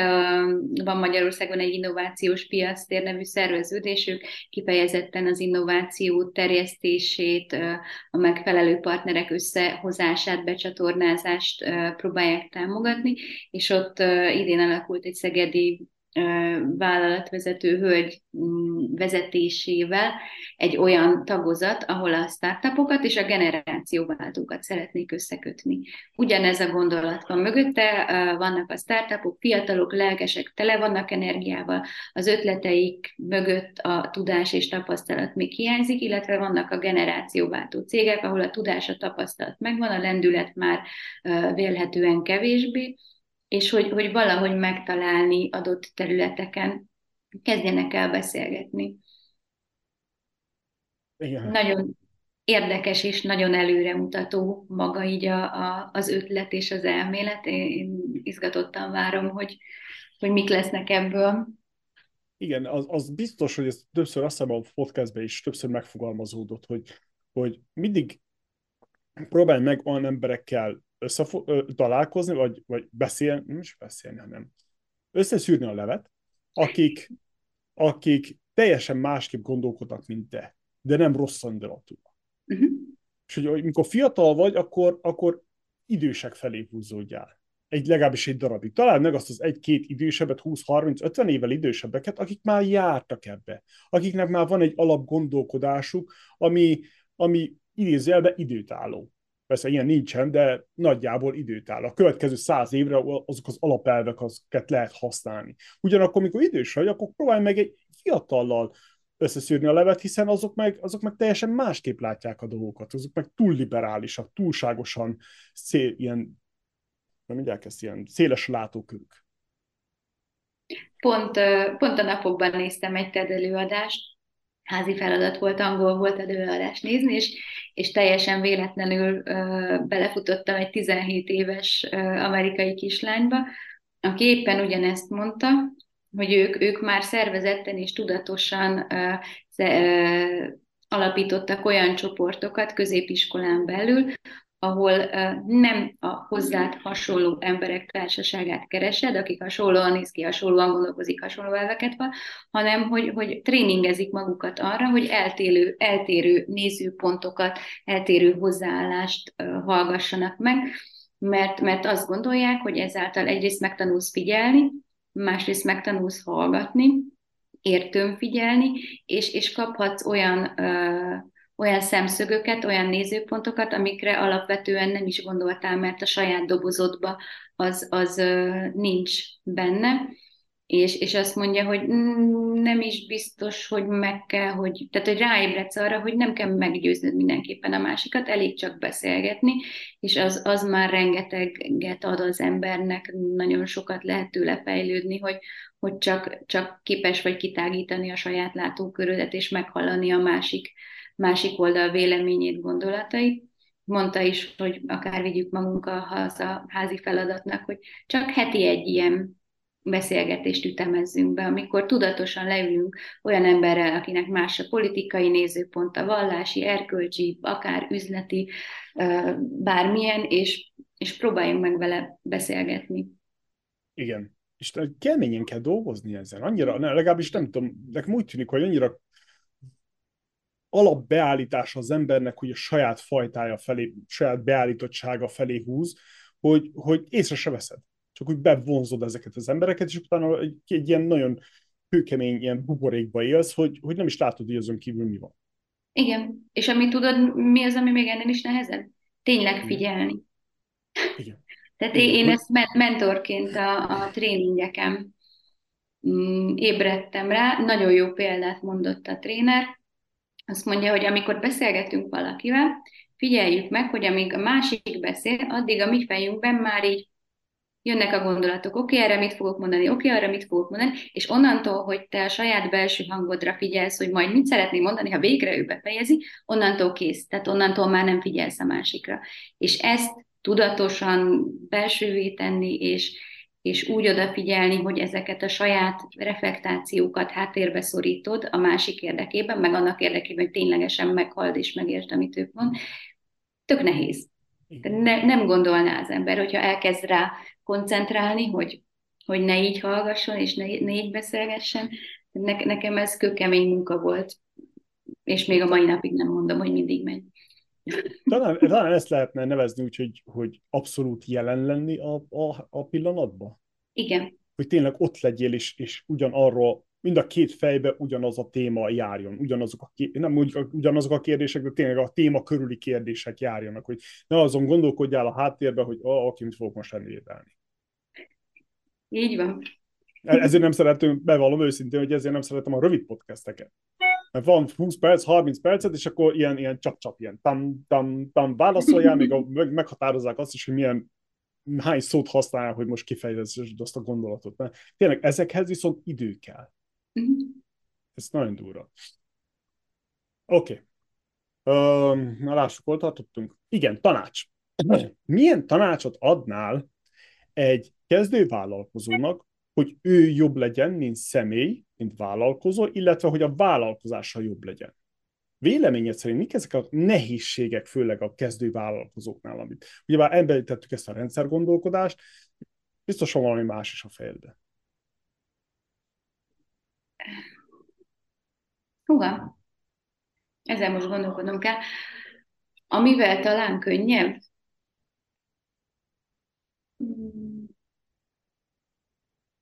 Mindjárt. Nyugodtan. Oké. Okay. Egyrészt, egyrészt ami, ami úgy érzem, hogy nagyon fontos, hogy legyenek tervek. Mm, éves terv is, akár fél éves is, akár negyedéves is, teljesen mindegy. Éves az mindenképpen érdemes, hogy legyen. Uh, és nem kell attól félni, hogy nem kell görcsösen ragaszkodni ahhoz, hogy azok a tervek megvalósuljanak, mert annyira gyorsan változik körülöttünk a világ, hogy, hogy teljesen természetes, hogy ezek, ezek nem, nem fognak száz százalékig átmenni, és amit január 1-én elterveztél, az december 31-ére takra meg tudod csinálni. Hozzáállás az nagyon fontos, hogy, hogy tud, hogy ezek rugalmasan kezelendők, viszont ha nincs leírva, ha nincs kimondva, hogy mit szeretnék, akkor onnan nagyon könnyű elmenni bármilyen más irányba, és egyszer csak ott látsz, és azt se tudod, hogy, hogy amúgy ki vagyok, én mit szeretnék, merre tartok, miért is csinálom ezt az egészet. Tehát kell, kell hogy legyenek konkrét elképzelések, és aztán jó érzésem úgy visszanézni, hogy, hogy oké, okay, ez megvalósult, ez nem, ezt átcsillagozhatod a következő évre, mert még mindig nem nyúltál hozzá. Igen. Mm, ez, ez, ez szerintem nagyon fontos. A, a másik talán, amit tanácsolnék kezdő vállalkozóknak, hogy ha kudarc éri őket, azt, azt próbál, nagyon elcsépált és ilyen nagyon mm, közhelyesnek tűnik, de hogy próbálják meg pozitívan felfogni.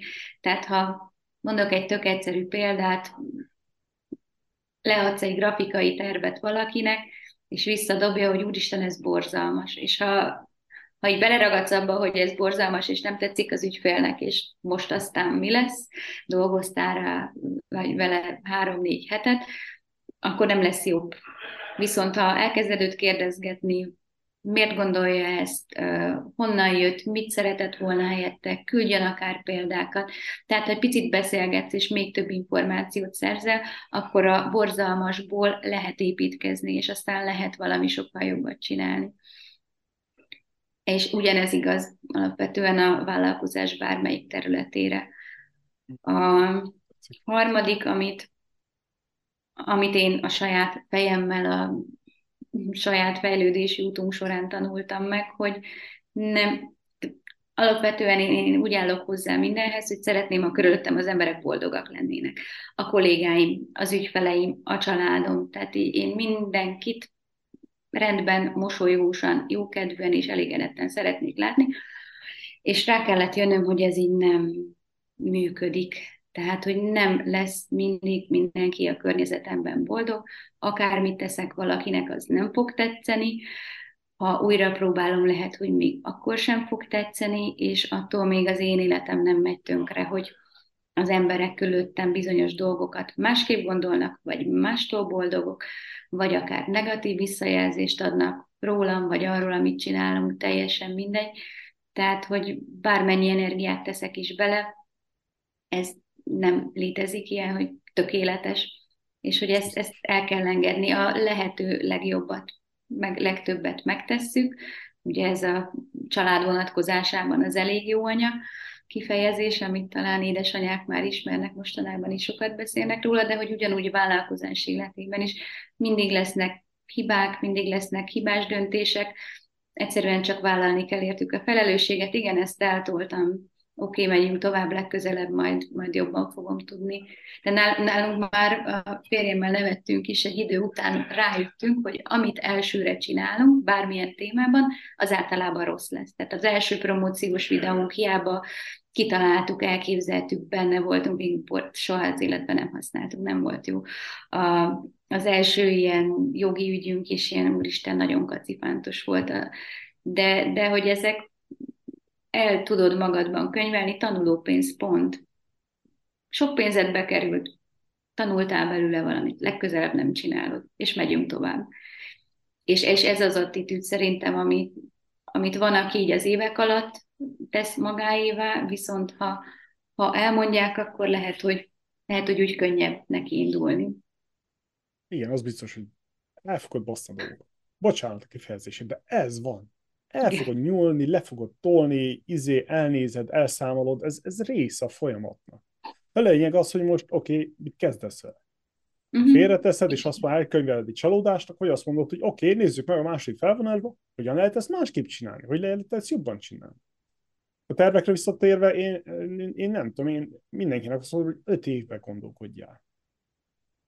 Mert az már nagyon-nagyon nehéz mikor öt évre előre kell gondolkodni, és, és tényleg meg, meglássad azt, hogy mik azok az értékek, amik neked fontosak.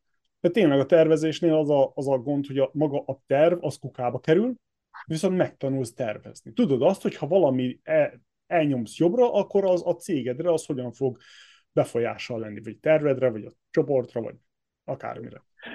Ezért például nagyon, szerintem nagyon jobb volt a helyzet, mikor az emberek imádkoztak meg kimondták azt, hogy mi, mit köszönnek meg, meg hogy mit szeretnének. hogy emlékezteted magadat naponta egyszer, kétszer, háromszor, attól függ, hogy ki mi ennyire rendszeresen csinálta, hogy hé, én ezt szeretném. És akkor ez ilyen mindig visszahallod a, visszahallod a saját fejedbe.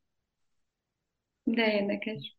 Igen. Én a kisfiamnál csináltam, ő, a, a nagyobbik, ő alapvetően ez a teljesen pessimista hozzáállása van, tehát úgyse fog sikerülni, minek csináljam, nem érdekel, megtalálja mindenbe ugye a megfelelő legrosszabb verziót, és én meg vele szembe egészen más hozzáállással rendelkezem, és olyan küldetésemnek éreztem, hogy oké, okay, hogy ilyen tett tudom, és elfogadom, és így imádom, viszont hosszú távon az életben, ha nem szeretném, hogy valami rossz irányba menjen el, amiből még akár ba is lehet, próbálom valahogy a pozitív szemléletet egy kicsit, tehát valami kis egyensúlyt adni neki, és akkor az volt a megoldásom rá, hogy este elalvás előtt a kedvenc plüss figurája beszélgetett vele, és minden este megkérdezte tőle, hogy mi volt abban a napban a legjobb dolog.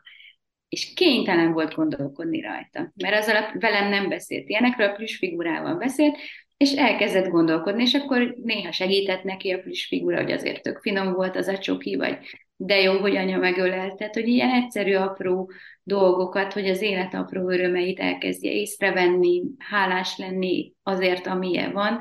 És most már kilenc éves, és és eljutottunk oda, hogy tudom, hármast kapott nyelvtamból, és azt mondta, hogy nem baj, anya, legalább az a lényeg, hogy élünk. Tökéletes zárószó. De igen, furcsa, hogy ilyen, ilyen kérdések, rendszeres kérdésekkel lehet, hogy lehet ösztönözni a kölyöknek az agyát. Én, én mostanában arra kattantam rá, hogy a nagyobbiknak mindig azt kérdezem, hogy mit tanultál? Mit tanultál ma az iskolába? Semmit. Oké, okay, akkor elpazaroltad az életedet? Elpazaroltad azt a napot? Nem az iskolában voltam, oké, és akkor mit tanultál? És akkor elkezdi mondani, hogy hát ez is volt, meg az is volt, meg az is volt. Na mondom, látod, az a lényeg, hogy tanuljál valamit. És akkor most, egy pár napja meg elkezdtem azt mondani neki, hogy tanuljál, tanítsál, és építsél. Hogy, hogy azt, azt, azt add vissza, hiszen van egy kis tesója, hogy add vissza valakinek, és akkor építsél belőle valamit abból a tudásból. Mert hiába tud az ember, hogyha nem kezdesz vele semmit, akkor ez ilyen fél siker. Igen, igen. Érdekesek ezek a dolgok. Amúgy nagyon sokat segít az ilyen kérdéseknél, hogyha ismered az óra rendjét. Akkor meg tudod kérdezni, hogy ma a földrajzból mi volt. Így van, így van. Így van. Célzott Sokan... kérdések nagyon hasznosak amúgy. Így van, így van. Így Rendkívül sok esetben. Ah, büdös kölykök. Uh, mit gondolsz a mentorokról? Mondtad, hogy te is mentorálsz, meg neked is volt mentorod. Általánosságban mennyire ajánlod, kit ajánlod, mikor kinek, hogyan látod ezt? Általánosságban azt, azt látom, hogy aki mentorhoz fordul, nagyon sok esetben sokkal többet vár annál, mint amit a mentor adni tud. Legyen szó akár egy, egy üzleti mentorról, egy személyi fejlődés segítő mentorról, akár egy coachról, szervezetfejlesztőről, mm, vállalkozók, illetve a cégvezetők azt hiszik, hogy ha fizetnek elég sokat, akkor a mentor, tréner, tanácsadó megoldja a problémáikat. Nem oldja meg. Tehát a mentor arra jó, hogy kérdezzen, értve figyeljen, és a kérdéseivel, a gondolataival, a saját tapasztalatával felnyissa a szemed, és megvilágítson neked olyan dolgokat, amit addig is valószínűleg tudtál, csak nem volt kimondva vagy nem volt leírva. És aztán a tiéd a meló része, tehát a szervezetfejlesztő nem fogja helyetted megcsinálni a, az üzleti struktúrádat, a vállalati belső hierarchiádat, se a folyamatábráidat, és a mentor se fogja helyetted helyre rakni a fejedben azt a rengeteg kérdést, ami, ami felmerült. Ők, ők csak arra jók, hogy csak tehát ez, ez a hozzáadott értékük, hogy fókuszáltabbá tudnak tenni, és abba az irányba terelnek, ami, ami valahol ott volt már hátul a kispadon, csak sosem vetted elő annyira mélyen és, és átgondoltan. Tehát ők szerintem kvázi ilyen pszichológusként ö, működnek, ha jól működnek, ö, viszont, viszont a csalódások nagy része az, a másik oldalon azt látom abból van, hogy sokkal nagyobbak az elvárások irányunkba. Tehát nem fognak helyetted dolgozni. Igen, amikor elkezdtem konzultásként dolgozni, akkor találkoztam egy ilyen idézettel, ami ilyen hatalmas nagy ilyen megvilágítás volt az agyamban, mint a felkapcsolták volna a villanylámpát, hogy konzultánsként, valahogy így van az idézet, hogy konzultánsként csak ösztönözni tudod az, az embereket, hogy megcsinálják a dolgokat. Szóval Igen. nem tudod megcsinálni, akkor Igen. már kiszervezés, az már alvállalkozó, hogyha Igen. megcsinálod helyette. Szóval itt nagyon fontos, hogy egy bizonyos tanácsot, jobb esetben okosabb kérdéseket tud neked feltenni, egy konzultáns, egy coach, egy mentor, de munkát És amúgy szerintem a mai modern cégvezetőnek is ez a legfontosabb feladata. Tehát ahhoz, hogy, hogy mi jó vezetőnek gondoljuk magunkat, és jó vezetővé váljunk, már nem használhatjuk a, a régi hagyományos fönt vagyok, és fentről megmondom, hogy mit csinálj modellt, mert nem működik, nem olyanok az emberek körülöttünk. Tehát a fiatalok már nem ebben nőttek bele, hanem abban, hogy elismerve vannak, tisztelve vannak, megbecsülve vannak. Tehát nekünk pont hogy át kell magunkat pozícionálni, és alulról támogatni őket abban, hogy ki tudják teljesen a képességeiket a lehető legjobban használni, ahhoz, hogy motiváltak legyenek, ahhoz, hogy fejlődni tudjanak, és ehhez kell nekünk kvázi, mint egy falként vagy oszlopokként az összes létező támogatást megadni, és akkor leszünk jók. Igen. Ah, ez is órákat tudunk erről beszélni, is olyan furcsa dolog. A lényeg, hogy legyen elképzelésed, hogy mi az a jó főnök. Mert mindenki akar jó főnök lenni, de mit jelent az? Mi Elég az jó. Az, elég Mi az az 5-10 valami, ami, ami meghatározza azt, hogy te jó főnök vagy. Hogy neked mi azt jelenti, hogy főnök. Ah, igen, ez is komplex dolog. Merre tart a világ? A neked jó főnökről még van egy jó sztori, ha sztorizhatok. Mm, volt néhány éve egy olyan karácsonyi céges ajándékunk, megkértem mindenkit, hogy adott ember, felírtuk az ember nevét egy, egy papírra, kollega nevét egy papírra, és akkor mindenki egy-egy tipikus mondatot kellett odaírjon, ami a kollégához kapcsolódik rá jellemző, tehát nem tulajdonságot, hanem, hanem valami olyan mondatot. És akkor összehajtogattuk, adott ember megkapta a saját mondatait, és egyet kiválaszthatott, amit így leginkább a, a szívéhez közelérőnek és közellévőnek gondolt, és azt a, azt a mondatot ö, írtuk rá a saját céges bögréjükre. És akkor így kapott mindenki nevesített bögrét, és a, az én mondatom az az volt, hogy mit szeretnétek.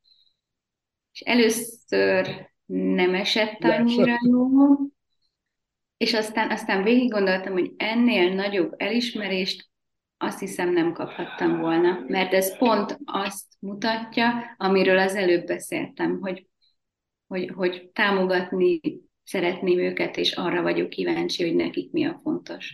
Mert tudom, hogy az, az vállalati szinten is nekünk fontos. Nagyon jó. Nagyon jó. Tetszik. Tetszik. Maga az ötlet is jó volt, de ez, hogy mit szeretnétek, hogy ez, ez jellemezzen egy főnököt, ez, ez azért ott van. Merre tart a világ? Hát erről már beszélgettünk. Oké. Okay. Mit gondolsz az AI-ról? Igen, a mesterséges intelligenciára? Igen, AI-ról hogyan fogja befolyásolni a ti munkátokat esetleg? Mikor jutunk el oda, hogy AI építi az AI-t, ha egyáltalán lesz ilyesmi? Oké, okay, ez nagyon abszurd volt. Nagy, nagyon sok izgalmas példát látok a, a világban, hogy mi mindenre jó. Uh, amiben én például beleragadtam néhány héttel ezelőtt, az az, hogy találtam olyan mesterséges intelligencia rajzoló szoftvereket, amiknek beírsz néhány paramétert, parancsot, szót, hogy milyen stílusban, mit szeretnél, fantasztikus képeket rajzolt. Megnéztem, és mondtam, hát én a weblapomra az összes grafikát ezzel fogom csináltatni, megcsinálja végre azt, amit akarok, és nem kell több körben magyaráznom. E, ennél jobb nincs. Persze De ez a... ilyen elérhető szolgáltatás? Igen, igen, Ó, igen, igen. Halljuk. Mi, hogy hívják ezt? Googlizom. Átküldöm majd. Oké, okay, az is jó. a, a másik, olvastam például, hogy Angliában indítottak egy programozó robotot, aki szintén így AI alapon tanult programozni, és a, a versenyen indulók 60%-ánál már jobb lett. Jó. És ez a kezdet. Uh, nyilván mi ugye sokat foglalkozunk, ez a kiterjesztett valóság, virtuális valóság, ezek is mind jellemzően olyan szoftverek, megoldások, ötletek, amik egy picikét így kiváltják a, a, a valós világot, vagy helyettesítik, de, de én mindig azt szoktam mondani, hogy, hogy ezeket helyén kell, hogy kezeljük, tehát akár a mesterséges intelligencia, akár a virtuális valóság, akár a metaverzum nem helyettesítik a, a valós létünket, hanem kiegészítik azt, ha jól használjuk. Tehát mindegyiknek megvan a maga funkciója és szerepe, de, de el lehet vele benne veszni, az a nem jó használjuk kategória. Igen, igen. Hú, erről is sokat tudnánk beszélni. Lehet vissza kéne egy hogy visszamenjünk azokon a kérdéseken, amiket Igen. csak éppen említettünk. Hát De például voltak... technikailag már megvalósítható olyan is, hogy van egy virtuális társad a lakásodban, aki olyan, amilyen, amilyet szeretnél, akár egy filmsztár is lehet, akár az elhunyt nagyszülőd, bárki, oda tudjuk pakolni, tudunk neki hangot adni, tudunk neki érzelmeket adni. De rengeteg mindent meg tud már oldani a technika, viszont nyilván a jogi, erkölcsi, etikai, egyéb környezet, illetve az embernek a, az embersége nem alkalmas szerintem még arra, hogy ezeket helyén kezeljük. Oh, tényleg vissza kell gyere, erről beszélünk. Ti ott vagytok a high-techbe. Mindegy. Mi a terved a jövőre nézve? Beszéljünk rólatok, ne csak a technológiáról. Rólad, illetve rólad. Hol látod magad a következő 5, 10, 15, 20, 25, 30, 40, 50 év múlva? Várjál csak, hány éves vagyok? Hát tíz év múlva már jó lenne utazgatni és messziről irányítani a vállalatot. Látod, keretrendszer, látod, rendszer minden, gondolkodás. Minden vállalkozónak, igen, a maga, maga felé, nem, ez nem. Uh, de nyilván azért vállalkozunk, hogy egyrészt alkossunk valami, valami fenntarthatót, valami olyat, ami megőriz minket, az értékeinket, az elképzeléseinket, tehát nem csak úgy eltűnünk, vagyunk, voltunk. Tehát van szerintem minden vállalkozóban egy ilyen, ilyen meg akarom mutatni, hogy, hogy tudok valami nagyot alkotni, egy, egy ilyen igény. Én szeretném, ha a cégünk olyan vállalkozás lenne. 14 évet megélt, szóval azt mondják, innentől már nagyon kicsi az esélye, hogy megszűnjön, az, ahhoz nagyon el kéne rontanunk. Tehát jó lenne egy fenntartható vállalkozást, ami, ami egy idő után azért már boldogok lennénk, ha nélkülünk is működne. Tehát minimál inkább tulajdonosként maradnánk bent, és nem a napi operatív folyamatokban. Tehát abból, abból tudatosan igyekszünk minél jobban kivonódni, és úgy építkezni, hogy, hogy ez megvalósítható legyen. Én nagyon szeretek utazni, most már a gyerekeim is elég nagyok ahhoz, hogy fel tudjam őket ültetni egy hosszabb repülőútra, úgyhogy bízom benne, hogy majd egyre többet tudunk világot látni, eddig jellemzően könyvekből utaztam, rengeteget olvastam. Azért az életem második felét azt, azt arra szánnám, hogy, hogy ne csak a könyvekből, hanem a valóságból is minél többet megtapasztaljak az emberek sokszínűségéből, a kultúrák sokszínűségéből, mert amúgy gyönyörű a világ, és hatalmas, és, és annyi minden van még, amit nem tudunk. Ez a kettő igazából. Ez így jó. Szerintem ez ilyen alapdolgok. Nagyon szép. Igen, igen, ez semmi extra. Tökéletes. Az egy, valahogy az egyszerűség mindig az a legtökéletesebb. Az is igaz, hogy az a legnehezebb elérni. Bonyolult van könnyű felépíteni, de mikor le kell egyszerűsíteni valamit, az azért úgy gondolkodni kell rajta. Oké. Okay. Milyen világméretű problémát oldanál meg, és hogyan? Ha tehetnéd, lenne mm. valami szupererőd. Ha szupererőm lenne? Hűha. Még több szupererőd, mert így is úgy tűnik, hogy Superwoman valami izé vagy. testvére, vagy unokatestvére, vagy ilyesmi?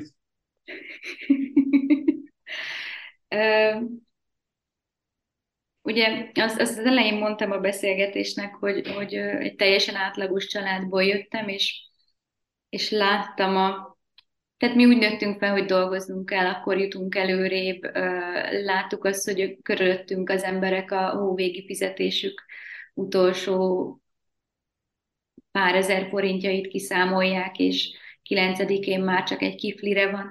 Tehát láttam a, a világnak az átlagos részét, most nyilván azért vállalkozóként már egy picit több ö, pénzügyileg több mindent megtehetünk, tehát a gyerekeim mondjuk már egy egészen más világban nőttek fel, és, és azt látom, hogy azért ez az újraelosztás ez nem nagyon működik most. Tehát, hogy van, akinek nagyon sok van, és nem ad belőle, és mi az Istennek kell az 50. Ferrari a garázsba, mivel csak a, csak a saját autópályáján mehet, mert utcára nem mehet ki vele, és, és minek a negyedik jakt, meg egyáltalán minek jakt, meg magár. Tehát, hogy, hogy annyira aránytalanok, és közben meg ott van az ország 60%-a, aki létminimum, létminimum alatt él. Én, én hiszek abban, hogyha ha valameddig eljutunk, eljutunk egy olyan életszínvonalra, hogy tényleg már nem kell több, és nem nagyon tudjuk megmondani, hogy mi egyébre lehet szükségünk, mert megvan mindenünk, akkor azon felül ugye kötelességünk visszaadni, és, és segíteni, támogatni azokat, akik, akik nehezebb helyzetben vannak, bármilyen okból, teljesen mindegy. Én, én többek között ezért is csatlakoztam a, a Rotary szervezetéhez, mert ott, ott azt látom, hogy elindult egy ilyen kezdeményezés már, már nagyon ö, sok ideje, és ott olyan szemléletű emberekkel találkozom, akiknek ez ugyanúgy fontos. Nem, nem tökéletes. És, és ezt, ezt jó lenne kiterjeszteni, és minél nagyobb szinte. Tehát Igen, a... abba, azt nagyon szeretném, bocsánat, hogyha, hogyha tényleg a Star Trek felé haladnánk mikor nem fizetésért dolgozol, hanem azért, mert szereted csinálni azt, amit csinálsz, és az egyetlen valuta az, hogy most te vagy a, a hajós kapitány, vagy nem. Igen. Csak ez, ez ilyen, e, e, sok mindent meg tudnánk ezzel oldani. De hát ez a baj, hogy főleg mi faszik annyira, annyira ilyen, ilyen hogy mondják ezt, ilyen versenyezőksek vagyunk, hogy muszáj persze valakinek nagyobb legyen az egója, vagy pénztárcája, vagy valami hasonló. És amíg ez van, addig, addig viszont nem tudom, hogy hogy lehet ezt átsiftelni az őket a másik. Női vezetőket kell rakni, a, az irányítást az ő kezükbe adni, mert náluk ez annyira nem jellemző. Igen, igen, ezzel teljesen egyetértek, csak az a baj, hogy mikor a nők nem akarnak vezetők lenni. Ezzel van a gond, hogy, hogy mikor 30-35 évesen azt mondják, hogy oké, okay, engem nem érdekel a karrier, mert inkább csinálok két gyereket, és otthon ülök velük, mert az jobban kielégít, akkor nincsen elég nő, akit vezető szerepbe tenni.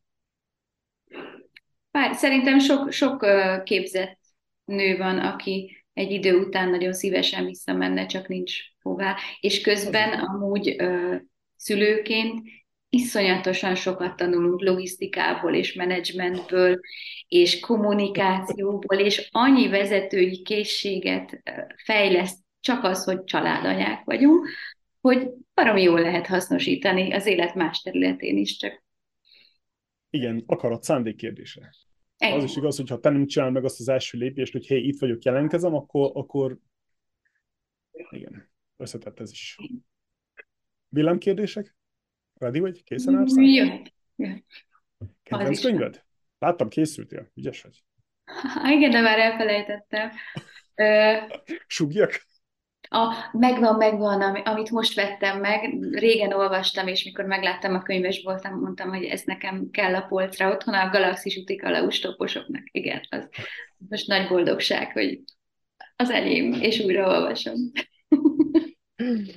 Melyik könyv volt a legnagyobb benyomása rád, mint vállalkozó?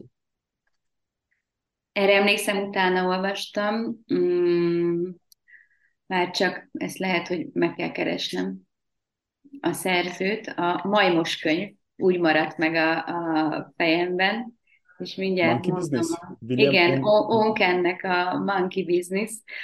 Uh, egyszeri könyv, nagyon rövid, gyorsan végig lehet olvasni, és maga az alapgondolat az az, hogy olvastad? Nem. Elmondom gyorsan, mert tényleg tök jó. A, arról szól az egész, a, a szerző amúgy uh, um, katonaságban dolgozott, tehát nagyon ö, nagy tapasztalata van abban, hogy hogyan kell a dolgokat rendszeresen, tervezetten, ütemezetten ö, megvalósítani, embereket irányítani, és azt mondja, hogy a feladatok, amik vannak, úgy képzeljük el őket, mint majmok a vállunkon. Ott ülnek. És mhm. bemész az irodába reggel, gyorsan odaugrik 8-10 majom. Abból végignézed a feladataidat, lepasszolsz hatot kollégáknak, és aztán, ha nem jól csinálod, a nap végére visszajönnek hozzád a majmok, plusz még kapsz a nap folyamán még tizet, és akkor úgy mész haza, hogy konkrétan mozdulni sem bírsz, mert háromszor annyi majmod van, mint a nap elején, ahogy kezdted, és hogy miért? Kiadsz mondjuk egy feladatot, írjátok meg ezt, meg ezt. De ha képtelen vagy delegálni, és képtelen vagy elengedni a dolgokat, akkor kolléga megírja, majd visszajön hozzád, és odaadja neked, hogy megírta tíz oldalt, tessék, olvasd el, ha leukészted, akkor majd küldi tovább a megfelelő helyre. Mi történt? Visszajött a majom. És van egy tíz oldalas olvasnivalód. Na és akkor igazából arról, arról ír, hogy ezeket a majmokat hogyan lehet tudatosan leépíteni, hogyan lehet a feladatokat úgy delegálni, hogy abból aztán 10 másodperces riportolási lehetőség legyen. Kész van, nincs kész, miért nincs kész, miért nincs kész, milyen megoldásai vannak, menj, keres rá megoldást, gyere vissza, ha megvannak a megoldások, határidőtartás, iszonyatosan jó. Nekem ez egy ilyen nagy, meg a férjemnek is, tehát mindkettőnknek ilyen nagy aha élmény volt. Igen, mert ugye a delegációs delegációk között is különbségek lehetnek. Igen, igen. Melyik bizniszkönyv segített a legjobban a vállalkozásod építésében? Nem nagyon olvastam akkor bizniszkönyveket. Hmm, érdekes. Kedvenc podcastet? Podcastet mindig szerettem volna hallgatni, de sose jut rá időm. Inkább olvasok. Uh, viszont a Berze Marciéknak az online podcastja az olyan, amiben egy-kettőbe belehallgattam meg az ő, ő munkásságát ismerem picit jobban, mm, szintén ilyen business management téma, picit gyakorlatilasabb, Marci, Marci olyan szabad szájú szókimondó, tehát egy egészen szórakoztató. Gyorsan googlizom. Oké, okay, lássuk. Uh, azt mondja, hogy kedvenc business podcasted, akkor nincsen. Mit hallgatsz, olvasol, nézel most? Úgy általában mit fogyasztasz? Hú, most néztük végig a Netflixen a Wednesday-t, tök jó volt, Tim Burton féle mhm. feldolgozás, ilyen kis nyolc részes minisorozat. Könyv szerintem van egy négy-öt négy nyitva. Egyrészt a Galaxis úti kalauz, akkor uh, elkezdtem Réz András lányának, Réz Annának egy nagyon érdekes ilyen erkölcsi etikai fejtegetését a mai világban tapasztalható állandó bűntudatérzésről és azok kezeléséről, csak nehéz, tehát ott ilyen egy-két oldal után az embernek le kell tenni és gondolkodni egy kicsikét, és aztán újra, újra elő. Akkor Bödöcsnek olvasom a legelső könyvét, ahol parodizál híres kortárs és nem kortárs szépirodalmi szerzőket, az az mivel én hat éves korom óta olvasok, és ilyen heti hat könyvvel kezdtem a könyvtárba, és minden héten mentem a következőt. Tehát ne, nekem ez ilyen perverz élvezet, hogy most Bödösnek a, a karikatúra verzióit olvasom. Tök jó. Úgyhogy, úgyhogy van párhuzamosan több ilyen időtől, energiától, hangulattól függ, hogy melyiket szedem elő. Mi az, ami szakmailag most inspirál legjobban? Az, hogy egy csomó új mm, kihívás vár ránk, egyrészt a nemzetközi piacra lépés, másrészt saját termékfejlesztésbe kezdtünk, a cégépítés, a networking feladatok, tehát annyi, annyi új dolog, amivel még sosem foglalkoztunk, és picit félek, közben pedig inspirál, plusz a ház. Úgy nem unatkozzatok. Hogyan menedzseled a feszültséget? Ö, kibeszélem jellemzően. Van, amikor futok, ha jó idő van. Van olyan, hogy a férjem rám néz hétvégén, és azt mondja, hogy na jó, akkor most menj el futni. Az jó tetszett. Óra múlva találkozunk. De ugye én ilyen kibeszélős, kisírós, aztán elengedős vagyok, tehát nem az a rágódós. Na, az jó, az még jobb, hogy ki tud csak úgy engedni. Igen, igen, igen. Um, mi van a zsebedben? Mit hordasz általában magadnál? Nincs zsebem. Hatalmas hátizsákom van, mindennel tele. Konkrétan fél éve keresek olyan hátizsákot, ami nőies, felvehetem egy kosztümhöz is, és olyan vastag a pátja, hogy tuti nem szakad le, mivel folyton az összeset telepakolom, és tönkre menne. De abban tényleg minden van, a raktapasztól, a hajsprén át, Oh my. könyvjegyzet, füzet, és minden. Rendezett vagy rendetlen iroda? Az irodánk az rendezett. Ja, azt, azt talán írtam is, hogy így körbenéztem, hogy a saját íróasztalom. Viszont 2021. októberében költöztünk az új irodánkba, azóta nem laktam be. Tehát azóta így csak vannak rajta a dolgok, de tudod, nincs kinn a fénykép, nincs kinn a naptár, nincs helye a tollnak, nincs helye a papíroknak, csak ilyen, de egyszer majd leülök és megcsinálom. Vagy nem. Vagy nem. Mit jelent számodra a pénz? Lehetőséget és nyugalmat. Talán így. Ah, nyugalom, ez tetszik. tetszik. Mit jelent számodra a siker? Kemény munka eredménye. Sose hittem a, a csak szerencsével elért sikerben. Mindig, mindig azt gondoltam, hogy az lesz sikeres, aki akar, és aki ezért tesz is valamit. Ezt magyarázom a gyerekeimnek is, hogy nem lesz belőlük atomfizikus, vagy akár csak éttermes, vagy energetikai mérnök, vagy amik éppen adott pillanatban lenni szeretnének, ha, ha a kis ujjukat sem mozdítják meg. Tehát nem uh-huh. elég a tehetség. Üzenem a gyerekeknek, hogy nagy kalappal nagyon, nagyon, nagyon szavakat használtál itt. Érti.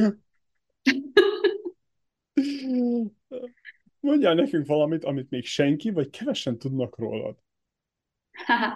Ezen gondolkoztam sokat, és ami eszembe jutott, és, és talán kevesen tudják rólam, kommunikáció szakon is végeztem, az volt az egyik első diplomám, és az, azt a kommunikációs szakdolgozatomat Gyurcsány Ferenc politikai kommunikációjából írtam, akkor még ők voltak hatalmon, és ő volt az, aki igazából így a politikai kommunikációba behozta ezt a egy vagyok köztetek, én is ember vagyok, egyszerű ember vagyok, úgy gondolkodom, úgy érzem, tehát próbált közelíteni, és nem így az elefántcsontoronyból kommunikálni, és igazából ezt dolgoztam fel ilyen sajtómegjelenések kapcsán, hogy hol, hol ezt hogyan használják, és elküldte a konzulensem a miniszterelnökségnek a szakdolgozatomat, melynek folyamán, a tudtomon kívül, melynek folyamányaként felhívtak és ajánlottak egy pozíciót. És én ott 21 éves fejjel mentem a parlamentbe állásinterjúra, egy nemzetközi sajtókapcsolati kis asszisztensi, tehát nem, nem nagy dolog. Nagyon jó érzés volt, meg úristen szerintem nem is voltam előtte ott korábban. És végighallgattam őket, és aztán mikor rájöttem, hogy ahhoz, hogy ezt a pozíciót elvállaljam nekem, hivatalosan is el kell köteleződnöm mm, a párt felé is, tehát teljesen nyilvánvaló módon, csak addig nem gondoltam bele, akkor így megvan, a, megvan az élménye, hogy sétálok haza Dunaparton, és, és azon nagyolok, hogy én ezt nem merem. 21 évesen én nem, nem merek elköteleződni, és, és elengedtem a dolgot. Ez is bátorság kell. Bevállalni is, meg elengedni is. Szerinted mennyire fontos a szerencse az üzleti életben? Tudsz mondani egy százalékot? Igen, az előbb mondtam, hogy a szerencse nem sokat ér. 20-25 százalék az biztos, hogy annyi, annyiban segít, de, de az összes többi az szerintem kőkemény munka. Mi az élet értelme? És nem mondjál 42-t, és légy szíves. Na, szépen magasra tetted a lécet, most nem mondom, hogy Igen, az volt az eredeti gondolat. A fiaimnak mindig azt mondom, hogy, hogy mindenki saját maga kell, hogy megkeresse saját életének az értelmét. Milliófélék vagyunk, millióféle vágyal elképzeléssel. Az én saját életem értelme, az, az, az talán úgy tudnám megfogalmazni, hogy, hogy valamit hátrahagyni. Tehát, hogyha bármelyik pillanatban történik velem valami, akkor, akkor ne szűnjek meg teljesen létezni, hanem legyenek emberek, legyenek olyan dolgok, amik, amik megőrzik azt, amit alkottunk, vagy alkottam. Tehát, hogy ez a nyom ne, nem eltűnni nyomtalanul. Talán így, így Igen. Igen, angolul jön a szó, az, az, a számra az a legacy, tehát magyarul ez ilyen örökség, hagyaték, ez nem Igen. ilyen tárgyi dolog, hanem tényleg az, hogy milyen, med, meddig tart életbe, meddig marad életben a neved, vagy, vagy a hozzá kötődő valamilyen. Ez picit hát, amúgy olyan egocentrikus gondolat így utólag, de nincsen azzal. Egy olyan akármerről közelítem meg, talán ez fontos. Nincsen azzal baj.